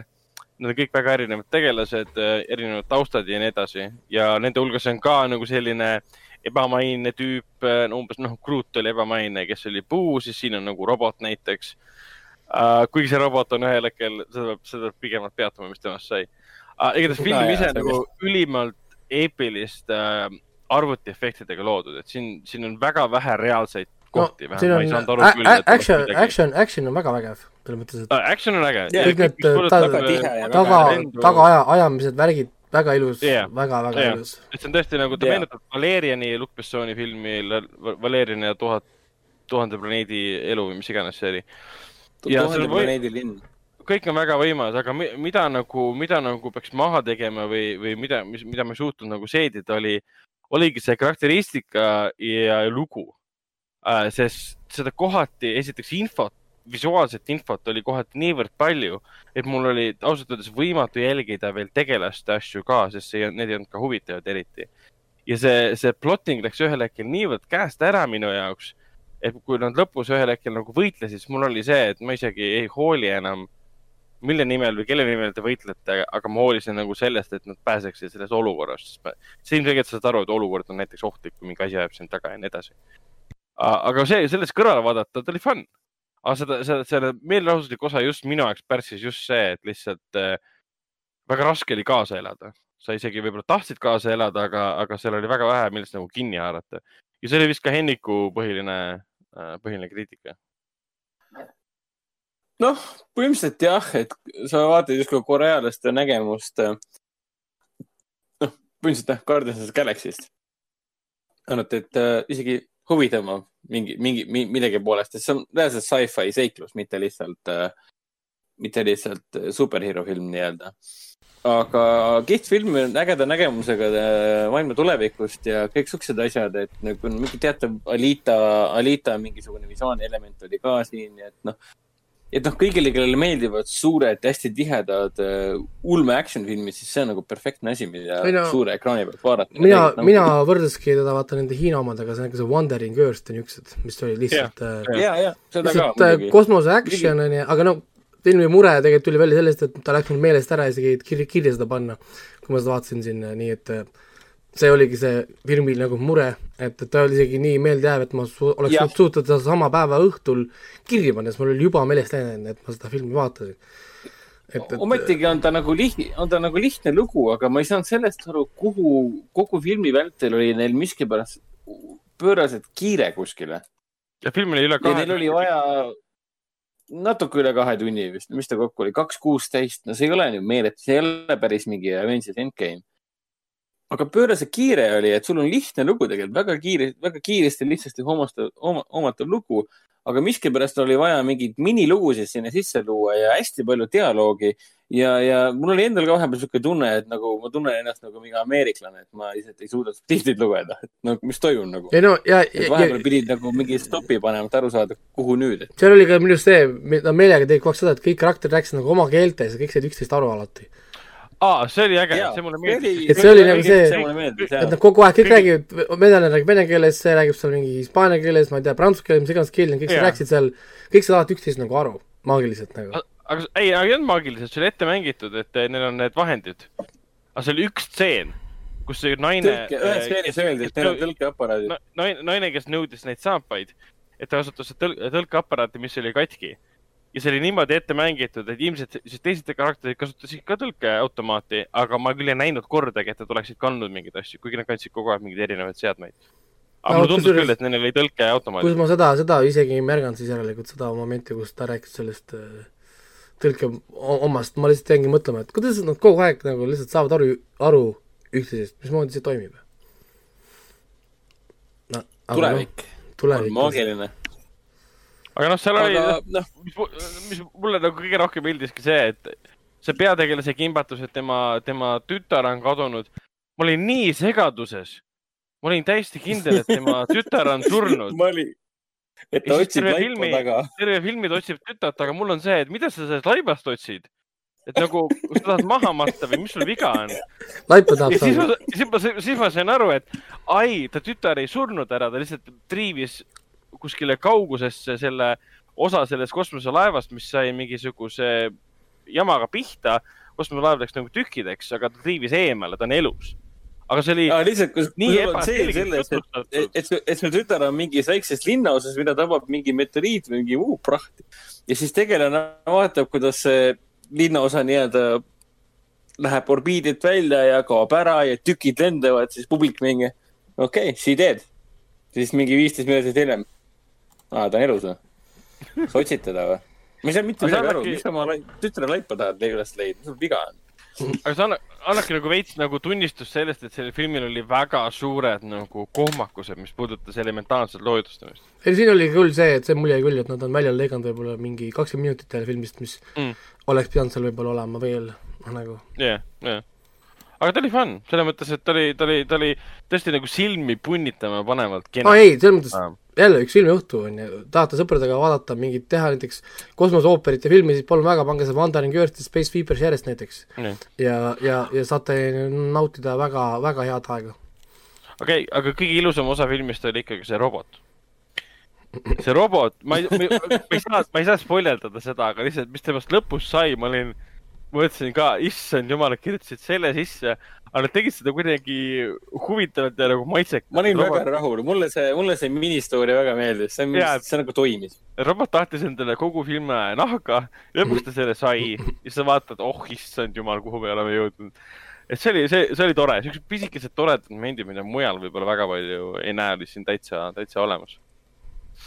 aga Aga- lihtsalt, kui sa oled selle filmi ära vaadanud, siis ta läheb lihtsalt meelest ära. On küll ta nagu-, ta, ta ei ole jah kinni väga, ta ei, ta ei ole nii unikaalne kuskilt, et mingi asi teda nagu eristaks lõpuks. et ta ikkagist mingi asjadega läheb lõpuks segamini ja pärast ei suuda meenutada, mis filmist see nüüd oli või kus kohas ma nägin seda. see on küll tõsi jah, mina, kui sa praegu küsid, mis filmis toimus, siis ma oskan sulle rääkida ainult seda, mis puudutab peategelase tütre teemat. Ja minu segadust, mis puudutas, puudutas, puudutas seda, kas ta on elus või mitte. nojah, kui ma küsima su okei, käest korra- nüüd äh, nädala aja pärast, mis, mis oli selles Space Viperis, siis on veel hullem. Ah, aga korraks peaks ka mainima seda, mida tegid siin filmis äh, Peter Jacksoni käebikus Thori kehastunud Ah, äh, jaa. Richard Armitage ja see, kes siis kolmandas Hannibali hooajas mängis ka äh, seda Tooth Fairy't ehk siis seda hambahaldjad. hambahaldjat, et mida paganat ta tegi siin. Tal- miks ta tegi seda niimoodi, nagu ta seda tegi, see oli lihtsalt nii naeruväärne kohati. sa oled reis, nii paha tegelane, sa oled, vaatad lihtsalt, iga kord, kui ta tuli ekraanile, see on mingi, sa oled lihtsalt nii paha, sul on nii hea olla, sa oled nii paha tegelane. ei no mul on, mul, mul oli tunne küll, et see reisijal andis talle ühe juhise, ütles talle, et sa oled väga paha tegelane. Et kui ta lõpus mingi karjus, kui ta lõpus mingi karjus seal, et mingi where is she, siis mul oli see, et, nagu, kas see on mingi animetseen praegu või mi, mida sa teed tegelikult, mida sa karjud lõugad, kes sind tegelikult kuuleb või, või okei okay,, vaataja kuuleb ja kõiksugused asjad. aga, aga selle Reisjeri varasemaid filme vaadates ma olen kuulnud ainult äh, End of Animalsist uh,. Werewolf Boyst olen kuulnud uh,. ega rohkem ei olegi kuulnud, ta on päris palju, noh, neli filmi siis, kolm filmi enne seda teinud ähm,. et ja, ei, ja, kui Lõuna-Korea filme praegu vaadata, mis on mingi suur, suur asi, siis üldse Aasia asju, siis jah, nagu, nagu Raiko ütles, et see Wandering Earth ja äh, Space, Space Sweepers. aga siis me vaatasime, vaatasime Hendrikuga veel ka siis ajaloolist filmi äh, The Battleship Island, mis leidis aset siis, mis ta oli, neljakümne viiendal aastal. siis, kui Jaapan valitses Lõuna-Korea üle ja kuidas korealased viidi siis äh, Jaapani ähm, saarestikul asuvale ühele kinnisele saarele, mis oli Mishima Island äh,, viidi siis, sinna sütt kaevandama, see on siiamaani see saar alles, see on tohutute müüridega kaetud niimoodi, et noh, kui seal ookeanis me, me, tormid toimuvad, siis see vesi lendab üle müüride.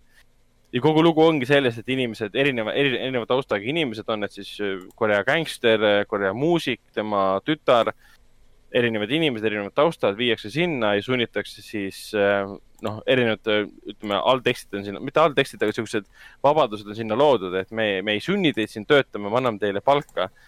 aga kohe filmi alguses on pikk loetelu sellest, et mis su palgast maha arvatakse ja siis selgub, et sa jääd hoopis võlgu. et, me ametlikult maksame teile palka selle sunnitöö eest, jah, aga me võtame selle palga teilt ära, sest teil on vaja Jah. kõik maksud ära tasuda. tegelikult lihtsalt okupatsioonijõud saatsid neile ebavajalikud inimesed ähm, sütt kaevandama, sest selle saare peal oligi äh, tegelikult ka kaevandus, kuna see oli väga äh, rikas äh, pind oli ookeani põhjas ja siis nad sundusid sinna seda kaevandama. Ja lugu siis on tegelastest, kes sealt siis äh, enne kui Hiroshimat, Nagasakit äh, pommitati, siis äh, tuumapommidega kuidas nad sealt siis üritavad põgeneda ähm,, mida rohkem nagu sõda läheneb lõpule ja mida rohkem siis seal tekivad siuksed põgenemiskatsed ja mässukatsed. väga suurejooneline film, väga võimas draama, hästi palju huumorit, no Lõuna-Korea filmile kohaselt, see võib olla väga masendav teema, kohutavalt palju huumorit, ülemeelikut sellist käitumist, siis on kõva draama, siis on julmad hukkamised, mingid perverssused, vastikused ja siis tuleb jälle selline eepiline tunne, eriti kui selle filmi nagu lõpulahingut vaatad lihtsalt eh, hakkad mõtlema, et issand jumal, kuidas see lavastus, mis koordinatsioon või kuidas see logistikas üldse välja näeb, midagi sellist lavastada. ja ta vist oli aastast kaks tuhat seitseteist. et kaks tuhat eh, seitseteist, jah. Lõuna-Korea filmide, ütleme sõjafilmide puhul ongi see, et ma tahan neid aina rohkem ja rohkem näha, et mul on mitmed klassikud nägemata. alates sellest uh, My Waste lõpetades, ma ei tea, siin selle Brotherhood of um,, mis see oli, Taeguki um,.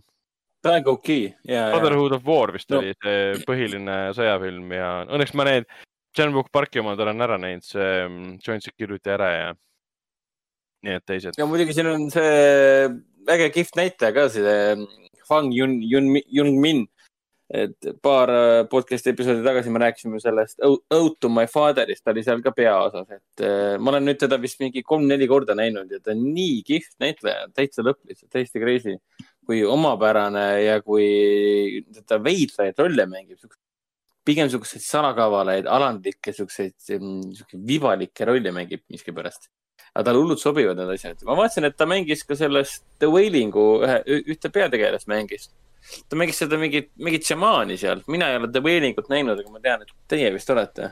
mina ei ole näinud, see on Shudderis olemas. Raiko on vist kindlasti näinud The Wailingut. jah, jaa, ikka muidugi, jaa, see, ma, see oli minu see mingi aasta, kui ma tegin selle top listi, ta oli mul mingi üldarvestus oli vist neljas, aga kõige parem muutusfilm oli. et, et, et see on mingi viis filmi ühes, ehk siis nagu jah, see on see Korea moodi. et äh, mul on vaja see ikkagi. alguses on, alguses on üks ja siis on teine, küll ta on ghost story, küll ta on zombifilm, küll ta on äh, detektiivifilm, kõik asjad on seal segamini ja, ja, ja ühesõnaga, ei, igal juhul vaadake ära. jah, mul ongi plaanis see olnud pikka aega, aga nüüd tõenäoliselt me kahe aasta pärast räägime sama teemal uuesti. täpselt sama juttu, et ma peaksin ära vaatama. Kuigi see on mu üks Lõuna-Korea lemmikumaid lavastajaid. aga siis me vaatasime ka seda väga, väga, väga head äh, action komöödiat nimega Midnight Runners. ja see oli umbes selline, et nagu naera lihtsalt puruks ennast või, või siis ela dramaatilistele sündmustele täiega kaasa, et see oli täiesti nagu täielik üllatuspauk, kui hea film on siis kaks tuhat seitseteist aasta Midnight Runners, et minu meelest tundmatud näitlejad olid siis peaosas äh,. aga, aga no Ragnar, mis, mis sa oled minuga nõus või? et see on üks parimaid asju, mis me viimasel ajal näinud oleme. äh, meil, Ragnaril ei ole heli. meil on teha, Ragnar on millegipärast heli, heli ära kaotanud. nii, ma olen tagasi. ja ma olen Hendrikuga täiesti nõus, fantastiline film, Midnight Runners. kui sa seda postrit vaatad, siis see, see ei kutsu üldse vaatama, sest see tundub siukene väga cheesy. aga esimeses stseenis, esimeses stseenis, esimeses kaadris peale äh, vapustav film. see on, ja mulle, meile nagu reklaamiti seda, et see on nagu Lõuna-Korea film, Lõuna-Korea versioon siis äh, Politseiakadeemiast. mida ta tegelikult ei ole, et jah, mingi alla poole filmist äh, leiab tõesti aset äh, politseiakadeemias, kus ähm, kaks meest, kes on siis peategelased, kujunevad sõpradeks ja elavad läbi kõik selle karmi äh, töötluse, mis neid tabab äh, inimesi, kes tahavad siis saada politseiakadeemia kadettideks. ja enne kui nad on suutnud lõpetada, nad lähevad vahepeal linna peale jooma lihtsalt, sõna otseses mõttes. ja oma arust ja, ja naisi taga ajama. naisi taga ajama sõna otseses mõttes. ja neil see muidugi ei õnnestu, sest äh, üks, mõlemad on siuksed, kuidas nüüd öelda, vaesed ja mõlemad ei, ei oska seda, seda mängu mängida nii-öelda. küll aga nad satuvad ühe neiu peale, mis on väga absurdne tseen, et nad on kahekesi tänava peal. inimene, kes räägib telefoniga, kõnnib neist mööda. ja sa Naine. vaatad, vaata, täpselt, vaatab talle järgi, et issand, kui ta tagasi vaatab, siis ta, siis meil veab. naine vaatab ühel hetkel tagasi kuskilt kaugusest ja kaks meest otsustavad, okei okay,, me lähme öösel kitsatel tänavatel sellele naisele järgi, sest ta vaatas meile tagasi, äkki meil veab. meil oli kohe reaktsioon, se- sebime ta ära, sebime ta kiiresti ära. meil oli kohe reaktsioon, et mida te praegu ootate, et see naine nagu jääb seisma, küsib, kuidas läheb, poisid või? kas te olete hullud peast? aga enne kui nad jõuavad oma lollusi nagu läbi viia, see naine röövitakse. Nemad näevad seda pealt, nemad kui siis äh, inimesed, kes pole lõpetanud politsei äh, akadeemiat, lähevad siis kohe kohalikku politseisse, kus neid tõsiselt ei võeta ja saavad aru, et nemad, nemad üksi, nemad kahekesi saavad selle ülesande lahendada. ja see viib nad sellisele, kus oligi, oligi kakskümmend neli tundi jutti Äh, ühe öö jooksul põhimõtteliselt. kell, kell, kell viis hommikul algas äh, või kell kolm hommikul algas ja lõppes mingi varahommikustel tundidel, et film ongi jaotatud justkui kolmeks osaks, et esimene osa on see, et meil on sõprus hakkab kujunema raskes politseiakadeemias ja siis tuleb järsku mingi bodycomedy, et kuule, nüüd me lähme linna peale möllama ja oi, näed, keegi röövitakse ja siis järjest mitu tundi järjest keset ööd tüübid lähevad otsima ja avastavad mingit räiget kuritegevu, kuritegelikku võrgustikku, mis seostub selle tüdruku, noore tüdruku röövimisega. ja siis filmi viimane pool on siis see, mis järgneb sellele ööle nii-öelda. nagu täiesti geniaalselt lahendatud eh, struktuur ühele tegelikult üsna, üsna lihtsale action komöödiale, aga tänu sellele struktuurile, nendele tegelastele on see niivõrd kaasaarv, põnev ja ootamatu, sul lihtsalt- pole õrna aimugi, mida need kaks tüüpi, kes öösel ringi jooksevad mingi kalaga ja tahavad teada, kust kuradi poest äh, see tüdruk selle kala ostis, et me saaksime teada, kes ta on ja kus ta elab ja nii edasi. et see on nagu totter film, aga toimib jumala hästi. aga noh Et-, selles mõttes, et see, see kuritegevuslik äh, liim, mis nad avastavad, see on nii uskumatult rõve ja vastik. et jällegi see, see nagu kohati tülgastama ajavad, lihtsalt jube. ja jällegi sa vaatad filmi, mis on konstantselt naljakas ja kus samaaegselt on selline asi sees äh, Lõuna-Korea linna kõrvaltänavatel või Lõuna-Korea siis Hiina linnas nii-öelda. täiesti kohutav asi, millest saaks teha hoopis teistsuguse filmi kui see aga nad suudavad neid teemasid nagu balansseerida fantastiliselt, sa ei tunne ennast kunagi süüdi. Et sa naerad laginal ja ühel hetkel lihtsalt mõtled, et kuhu me oleme inimkonnana jõudnud, kas see ongi see madal punkt? ja see ongi üks parimaid näiteid nii-öelda Lõuna-Korea filmidest, et sa naerad laginal ja nii-öelda, nii-öelda nutad laginal korraga ja sa tunned ennast nii hästi pärast. jah, no, aga sellega, sellega saamegi joone tõmmata asjadele, mis me oleme vaadanud, enne kui uudiste juurde liigume ah,, filmide juurde liigume, siis. Teil on ju kino, kinovärk ka ju. Ja täpselt äh, mainime ära, et siis nüüd üheksateistkümnendal ähm, veebruaril Foorum Cinemas kinodes, Aa, ma võin seda osa ise rääkida. aga palun. põhiliselt sellest äh, reedest ehk siis üheksateistkümnendast veebruarist algab siis, algavad ka kahe filmi eellinastused. eelmises, ühest filmist me juba eelmises saates rääkisime. esimeseks filmiks on siis Tom and Jerry ehk siis Tom and Jerry. Tom and Jerry'st tehti siis uus animafilm, see on niisugune segu live action'ist ja animafilmist ehk siis mängufilmist ja animafilmist. ja üheksateistkümnendast veebruarist juba algavad siis eellinastused eesti keeles, venekeelsed algavad siis äh, venekeelsed ja, ja vist ka inglisekeelsed algavad siis kahekümne viiendast, kahekümne kuuendast veebruarist. ja Supernova, mida me nüüd eelmisel korral mainisime selle äh, valentiinipäeva või sõbrapäeva raames. Supernova jätkab oma eellinastustega, see on siis selle Colin Firthi ja Stanley Tatsi võrratu romantiline draama, mida paljud äh, ehk nägid ka möödunud PÖFFil. seda saab siis valitud äh, seanssidel näha reedest pühapäevani. Foorum Cinemas kinodes algab üheksateistkümnendal veebruaril ka Liam Neesoni uus põnevusfilm Täpsuskütt, kogu pere animatsioon, pere pisematele mõeldud animatsioon Võlukaar. Rääkides asjadest, mis algavad V-tähega, siis algab ka valepööre, kogukond ehk siis äh, tegelikult päris kuulsa õudusseeria seitsmes osa, mis on ka ühtlasi katse anda uus elu kogu seeriale. Ja siis algab meil ka mm, Casey Afflecki ja Jason Segeliga uus niisugune hingepugev emotsionaalne draama Meie sõber, mis treileri põhjal, ma pole veel näinud, meenutab väga seda Manchester by the Sea'd, aga vist natuke lõbusam ja mitte nii masekas. kuigi teemaks on taaskord surm. ja siis Vene filmisõprade jaoks kindlasti väga suur oodatud film on siis tuntud karismaatilise näitleja Dmitri, Dmitri, Dmitri Nagieviga peaosas on siis niisugune täiesti pöörane vene komöödia nimega Päästke kolja. aga mis Artises siis näidatakse? Artises näidatakse filme. midagi uh,? filme näidatakse. filme näidatakse. meil Toho. tuleb ka animatsioonidest tuleb näitamisele Võlu, äh, Võlukaar uh,. aga noh, kõige tähtsam on meil praegu siiski Alto, mis üheteistkümnenda märtsini on siis kümne seansiga linastumas Äh, see on, tegemist on muidugi siis dokumentaalfilmiga Aivar Aaltost. Ähm, Aalto, tema järgi sai Aalto ülikool ka oma nime. ja lisaks tuleb, äh, lisaks jõuab meieni siis ka juba mainitud äh, Meie sõber, sest see on lihtsalt võimas tugev draama, mis vaatleb hoopis teisest vaatevinklist kui harjumuspärased vähidraamad, ütleme nii väga realistlik ja südame, südame, südameid puistav film ja siis linastub meil juba mainitud ka Tšehhi ajalooline film äh, Lõks ähm,. Altot ma mainisin, Võlukaart ma mainisin ja ootamatult jah, tuli meile siis kaks, äh, kaks uut filmi. Äh, tähendab, üks oli ootamatu.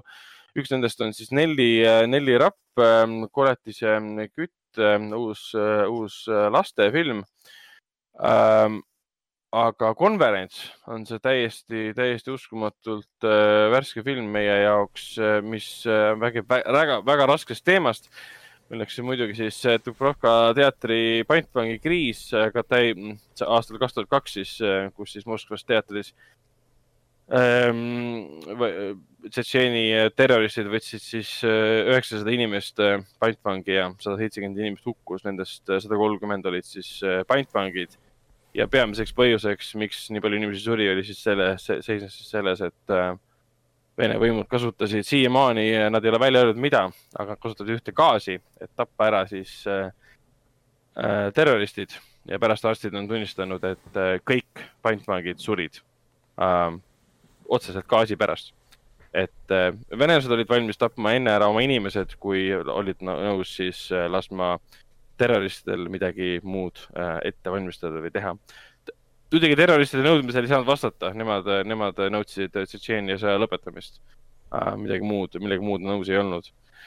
ja sellest, sellest aftermath'ist, sellest traumast, mis siis lähedasi, saja kolmekümne inimese lähedast tabas, sellest on tehtud siis võimas üle kahe tunni kestev selline äh, kohati eleegia nii-öelda, mis on väga-väga-väga võimas film, eriti, eriti mõeldud Euroopa kunstikino fännidele, tegemist on Vene, Eesti, Suurbritannia, Itaalia koostööfilmiga.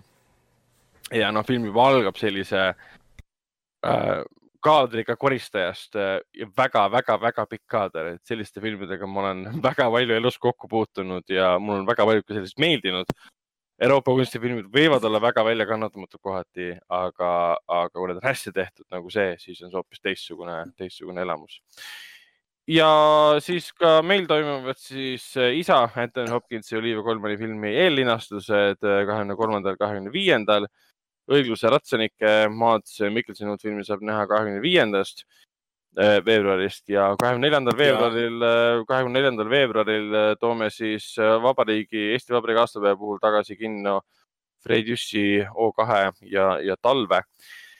Et inimesed, kes mingil põhjusel ei ole neid värskeid, värskemaid filme siis näinud, O2 ja Talv on, O2 pigem võis, võib lugeda nagu koroonaohvriks kes ei ole neid näinud nagu kinos, siis nüüd on selles kindlasti võimalus, et Fred Jüssi jõudis pikalt kinos olla enne, enne koroonat.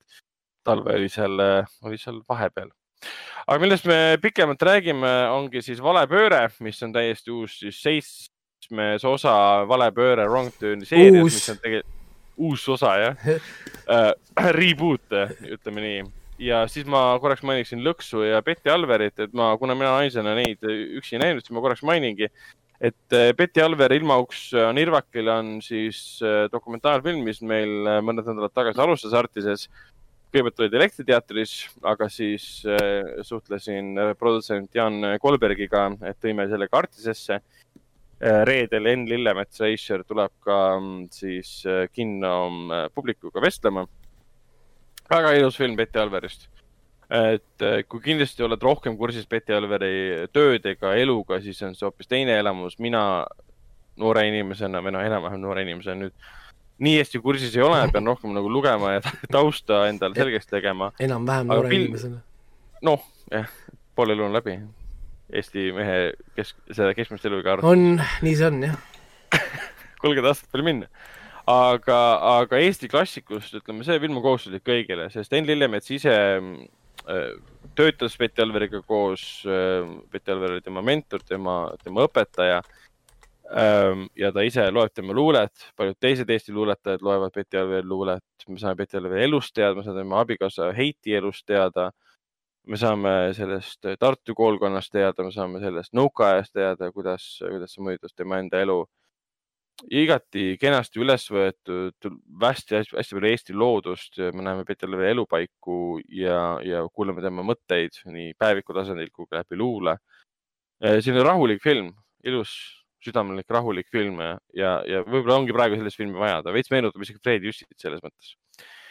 Ja Lõks on siis Tšehhi Aaroni film, nagu te okupatsiooni ajal siis Tšehhis Äh, kus siis äh, teatrinäitleja, see on päris, äh, päris elus, see on tõsielusel sündmusel põhinev film siis, kus siis ma, minu hääldus on kindlasti kohutav, aga Tšehhi näitleja Irina Stepinkova, kes siis viiekümnenda Tšehhoslovakkias otsustab, otsustab siis lahkuda sealt üle piiri koos oma pojaga ja muidugi ta jääb haledalt vahele see toob siis kaasa selle, et ta läheb äh, kohe vahi alla, uurimise alla ja viiakse lõpuks ka vangi.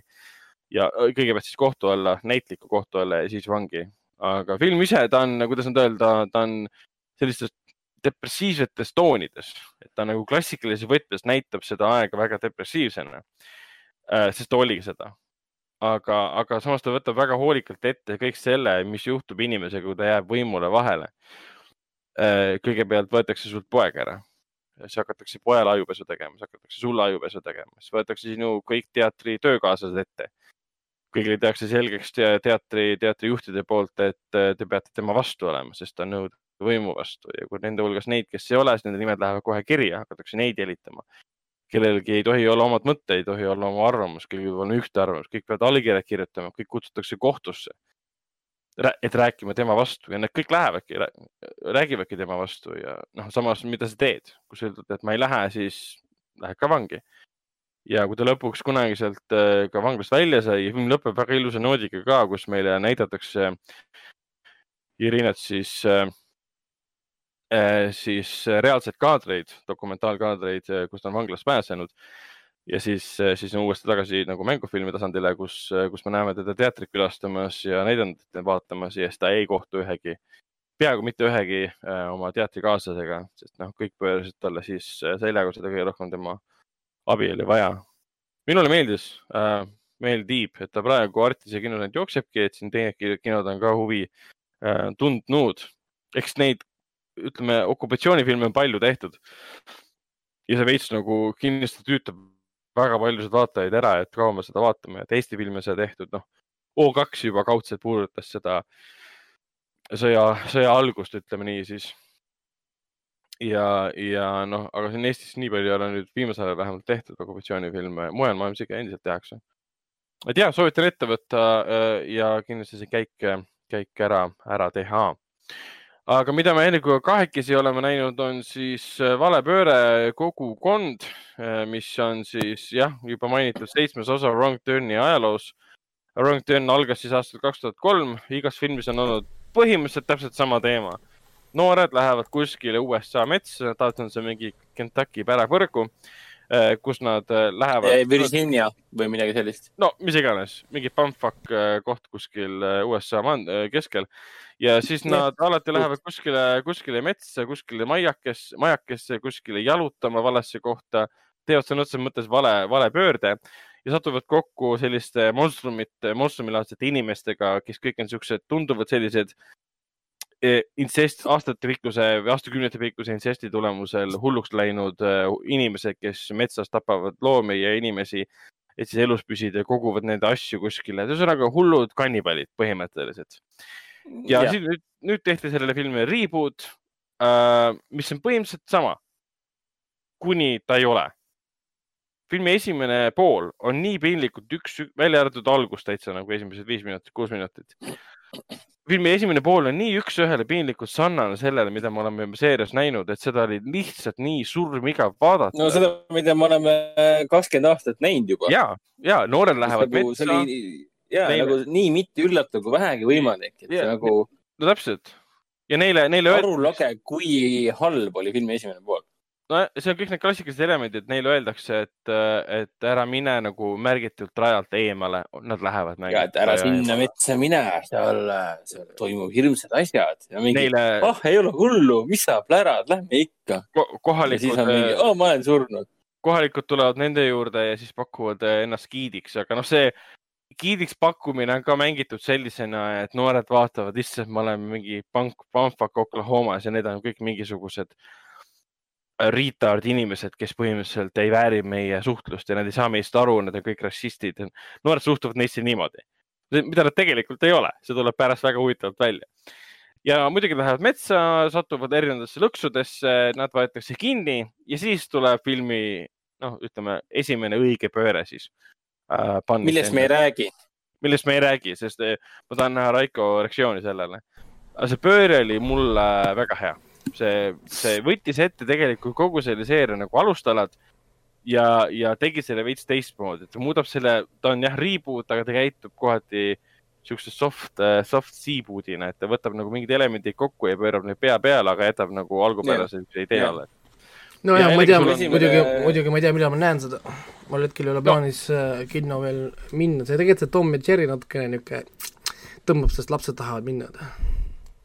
Ta on olemas praegu, on siis kõikides kinodes oh.. aga sinu kino kuskil äh, Keila kandis äh, ei ole niisugust äh, võimalust vaadata, kus ei pea Tallinnasse minema. ei, ei. Ma, ma räägin lihtsalt, mul hetkel ei ole plaanis kinno minna, kui ongi ainult siis see äh, Tom ja Jerry, mis okay. on see, mis No on siis... see family, family oma.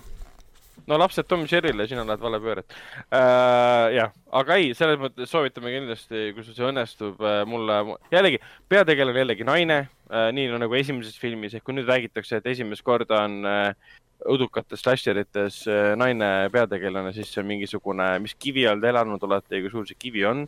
kaks tuhat kolm aastal Elijah Tusku oli äh, äh, Wrong Turni peategelane, et nagu olnud Elisa Tusku. Nagu millest te räägite ja uues on ka siis mitte enam Elijah Tusku, nüüd on siis äh, üks, üks naine, kelle nime ei mäleta, sest ta ei ole tuntud näitleja eriti minu, jaoks um,. tema ümber see hakkab asi nagu keerlema um,. aga ma mõtlengi, mida ma saan veel öelda, et see ei oleks nagu spoilerdav. ütleme, see on kena film, mis algab kohutavalt, aga ta võib-olla, võib-olla, kuidas nüüd öelda, see pööre päästab, lunastab väga palju sellest filmist. mistõttu ta, ta nii, absoluutselt, on, selles mõttes, et eriti see meie publik ka, aga kõik na- nagu, nagu hakkasid aeglaselt itsitama selle filmi peale, et issand jumal küll. tulin kolmapäeva õhtul õudukat vaatama, aga suka rämps või. ja siis filmi keskel muutub film täielikult, kõik mingi närviline naer ja mingi, oota.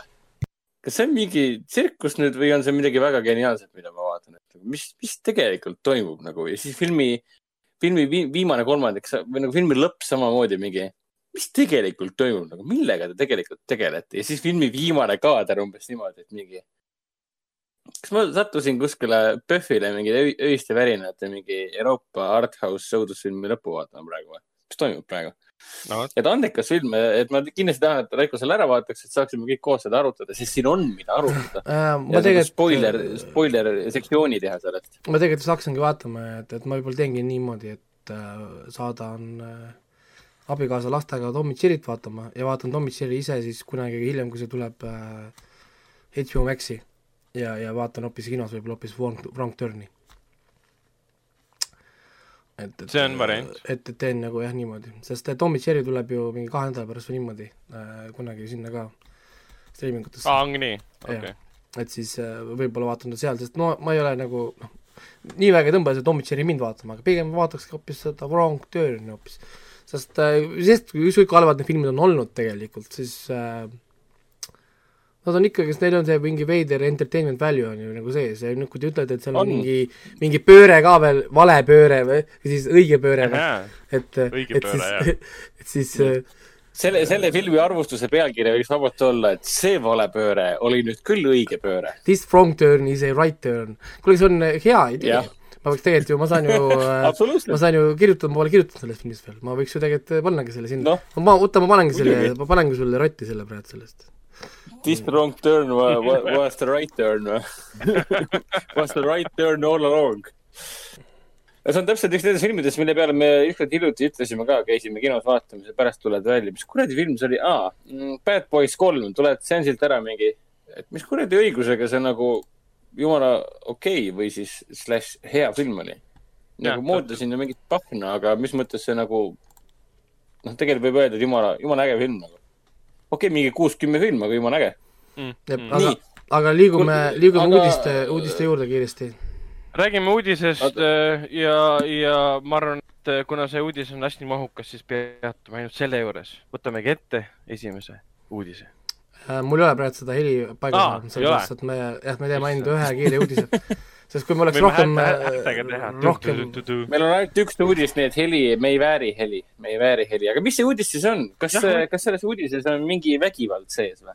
jah, see on mingi, kombat. see täna lõpuks siis äh, anti meile Mortal Combati treiler, mis nagu mm. lõpuks ometi. Me kuu aega tagasi saime mingi diiseri, mingi minutilise veidrast, veidra diiseri, siis täna tuli täitsa nagu päris treiler. ja, ja kuigi treiler näeb hea välja, siis kõik Mortal Combati võimalikud fännide kogunemiskohad, kõik ütlevad ühte asja, et we all know this movie is going to suck, but let's enjoy the great trailer. ehk siis ähm, üldine konsensus tundub olevat ikkagi see, et inimesed eeldavad, et see film on räige saast, aga naudime seda, mida me saame nautida, mis on hea treiler, on ju. et, et jah, sest treilerit on võimalik lõigata väga hästi. et, et praegult mina tunnen ennast nagu koduvägivallas kannatav naine, et, et ma ikka loodan, et see tuleb hea lõpuga ja, ja, ja, ja et see läheb hästi. aga ma kardan, et ma lõpuks lihtsalt saangi seal kinosaalis peksa ja, ja, ja, ja jätkan tuleb endiselt, Fatality tuleb ära. endiselt sama, sama lootus lootusega, et äkki järgmine film on siis lõpuks hea. Aga noh, aga, kahekümne aasta pärast. et eh, jah, see inimesed kritiseerivad muidugi karakterite valikuid, seda peategelase valikut, ühesõnaga jah äh,, treiler on väljas, vaadake, treiler on haip, seda leiab igal pool, kõik viissada tuhat Youtube'i channel'it panid selle ülesse ja mm. Mhm.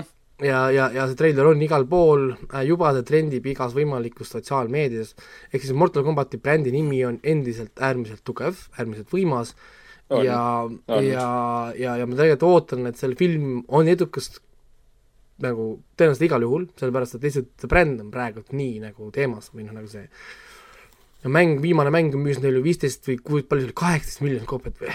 Palju see Mortal Combat ja ma üksteist saan aru, et see oli üks, üks, üks, üks, ta tegi oma, iseendale tegi rekordi või?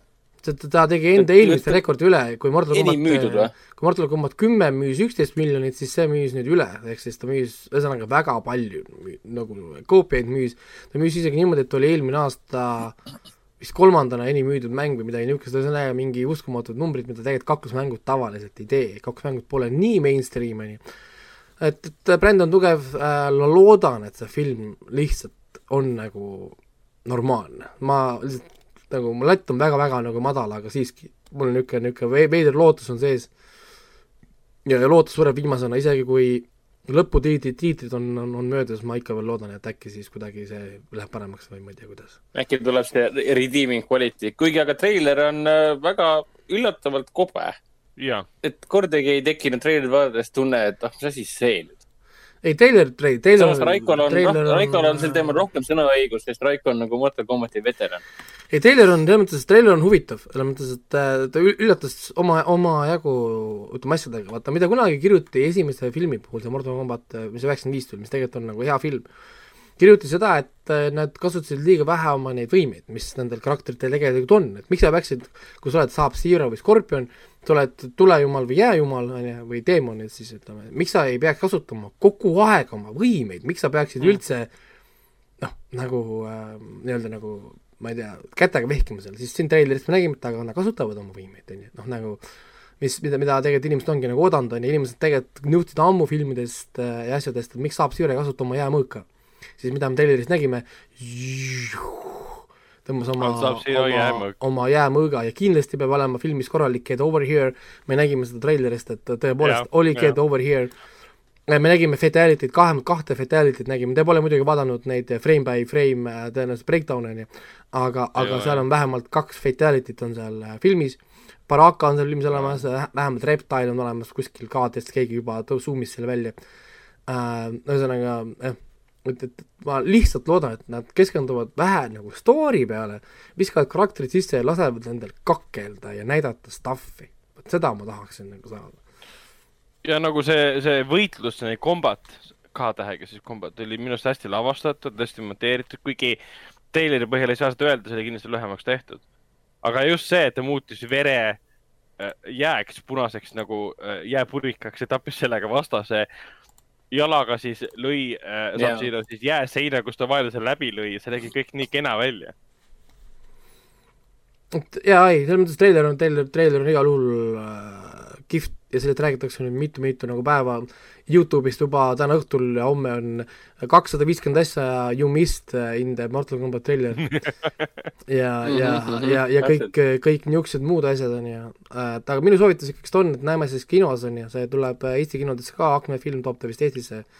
kuusteist aprill jah. jah. ja ma lähen seda kindlasti kinni vaatama, mis sest, mis see, et see tuleb välismaa striimingutesse, mul on pohhui, sest see on kinofilm igal juhul ma tahan näha seda peksu ja ma loodan, et muusika on hea, kui üheksakümne viienda aasta Mortal Combat tõi selle muusika, see Mortal Combat, on ju, need asjad, et, et siis äh, siin filmis, see film ei saa jääda muusikaga alla lihtsalt, come on. See ei saa alla jääda, mul isegi ükskõik, kas on mingi dubstep või mingi thumb and bass, anna mulle mingit tempokat muusikat, mille no tore oleks, mille kui filmi taustal- alguses või lõpus oleks reaalselt see muusika olemas ka. Äh, no miks mitte, see on Warner Brothersi oma ju, film on Warner No Brothers ja kõik kuulub Warner Brothersile, et, et, et anna nagu tuld. et, no ei, tegelikult ei tohiks probleemi olla, aga kurat neid teab. et, et jah, aga ei, see on äh,, treiler oli üllatus parem, kui ma nagu ootasin, sest noh, lihtsalt muidugi mul lätt oli nii madal ka muidugi, et väga raske oleks sealt alt läbi minna olnud, aga aga, aga jah, muud ei olegi ähm,, ongi vist kõik või, tänaseks või? jah, on küll, see oli kõige suurem ja tähtsam uudis, mis meie elus on toimunud. okei, okei, aga siis, okei, okei okay., nojah. et äh, nii, nii, nii palju on, et ma siis äh, soov, soovituste kohta tuletan siis meelde, et homsest äh, või siis äh, tänasest, oleneb, millal see saade siis läheb, üheksateistkümnendast veebruarist on lõpuks teine hooaeg For All Mankind tulemas või noh, nagu nii oh et kurat, mul on siiamaani esimene lõpuni vaatamata. nii et, nii et äh, lõpuks saame midagi tugevat, head kvaliteeti loodetavasti. ja, ja ühe asja ma, ühe asja ma mainin veel ära, et äh, John Oliveri uus hooaeg ehk siis kaheksas hooaeg sai nüüd alguse, et esimene osa on Telia HBO-st täitsa, täitsa vaadatav. mul on ta praegu siin brauseris lahti, et ma ootan seda momenti, kui saade ära lõpeb, siis ma saan panna play Kohe peale. nii, aga olgu äh,, nägemist Jah. ja jääme siis järgmine nädal. ja ärge unustage võistluse, võistluse vastused saata Ragnari emaili peale. olge tublid ja head nuputamist. Like and subscribe, et see nupud on allpool. jah, täpselt. tšau, minu, minu Tiktokid leiate altpoolt. tšau, tšau, tšau, tšau. tšau.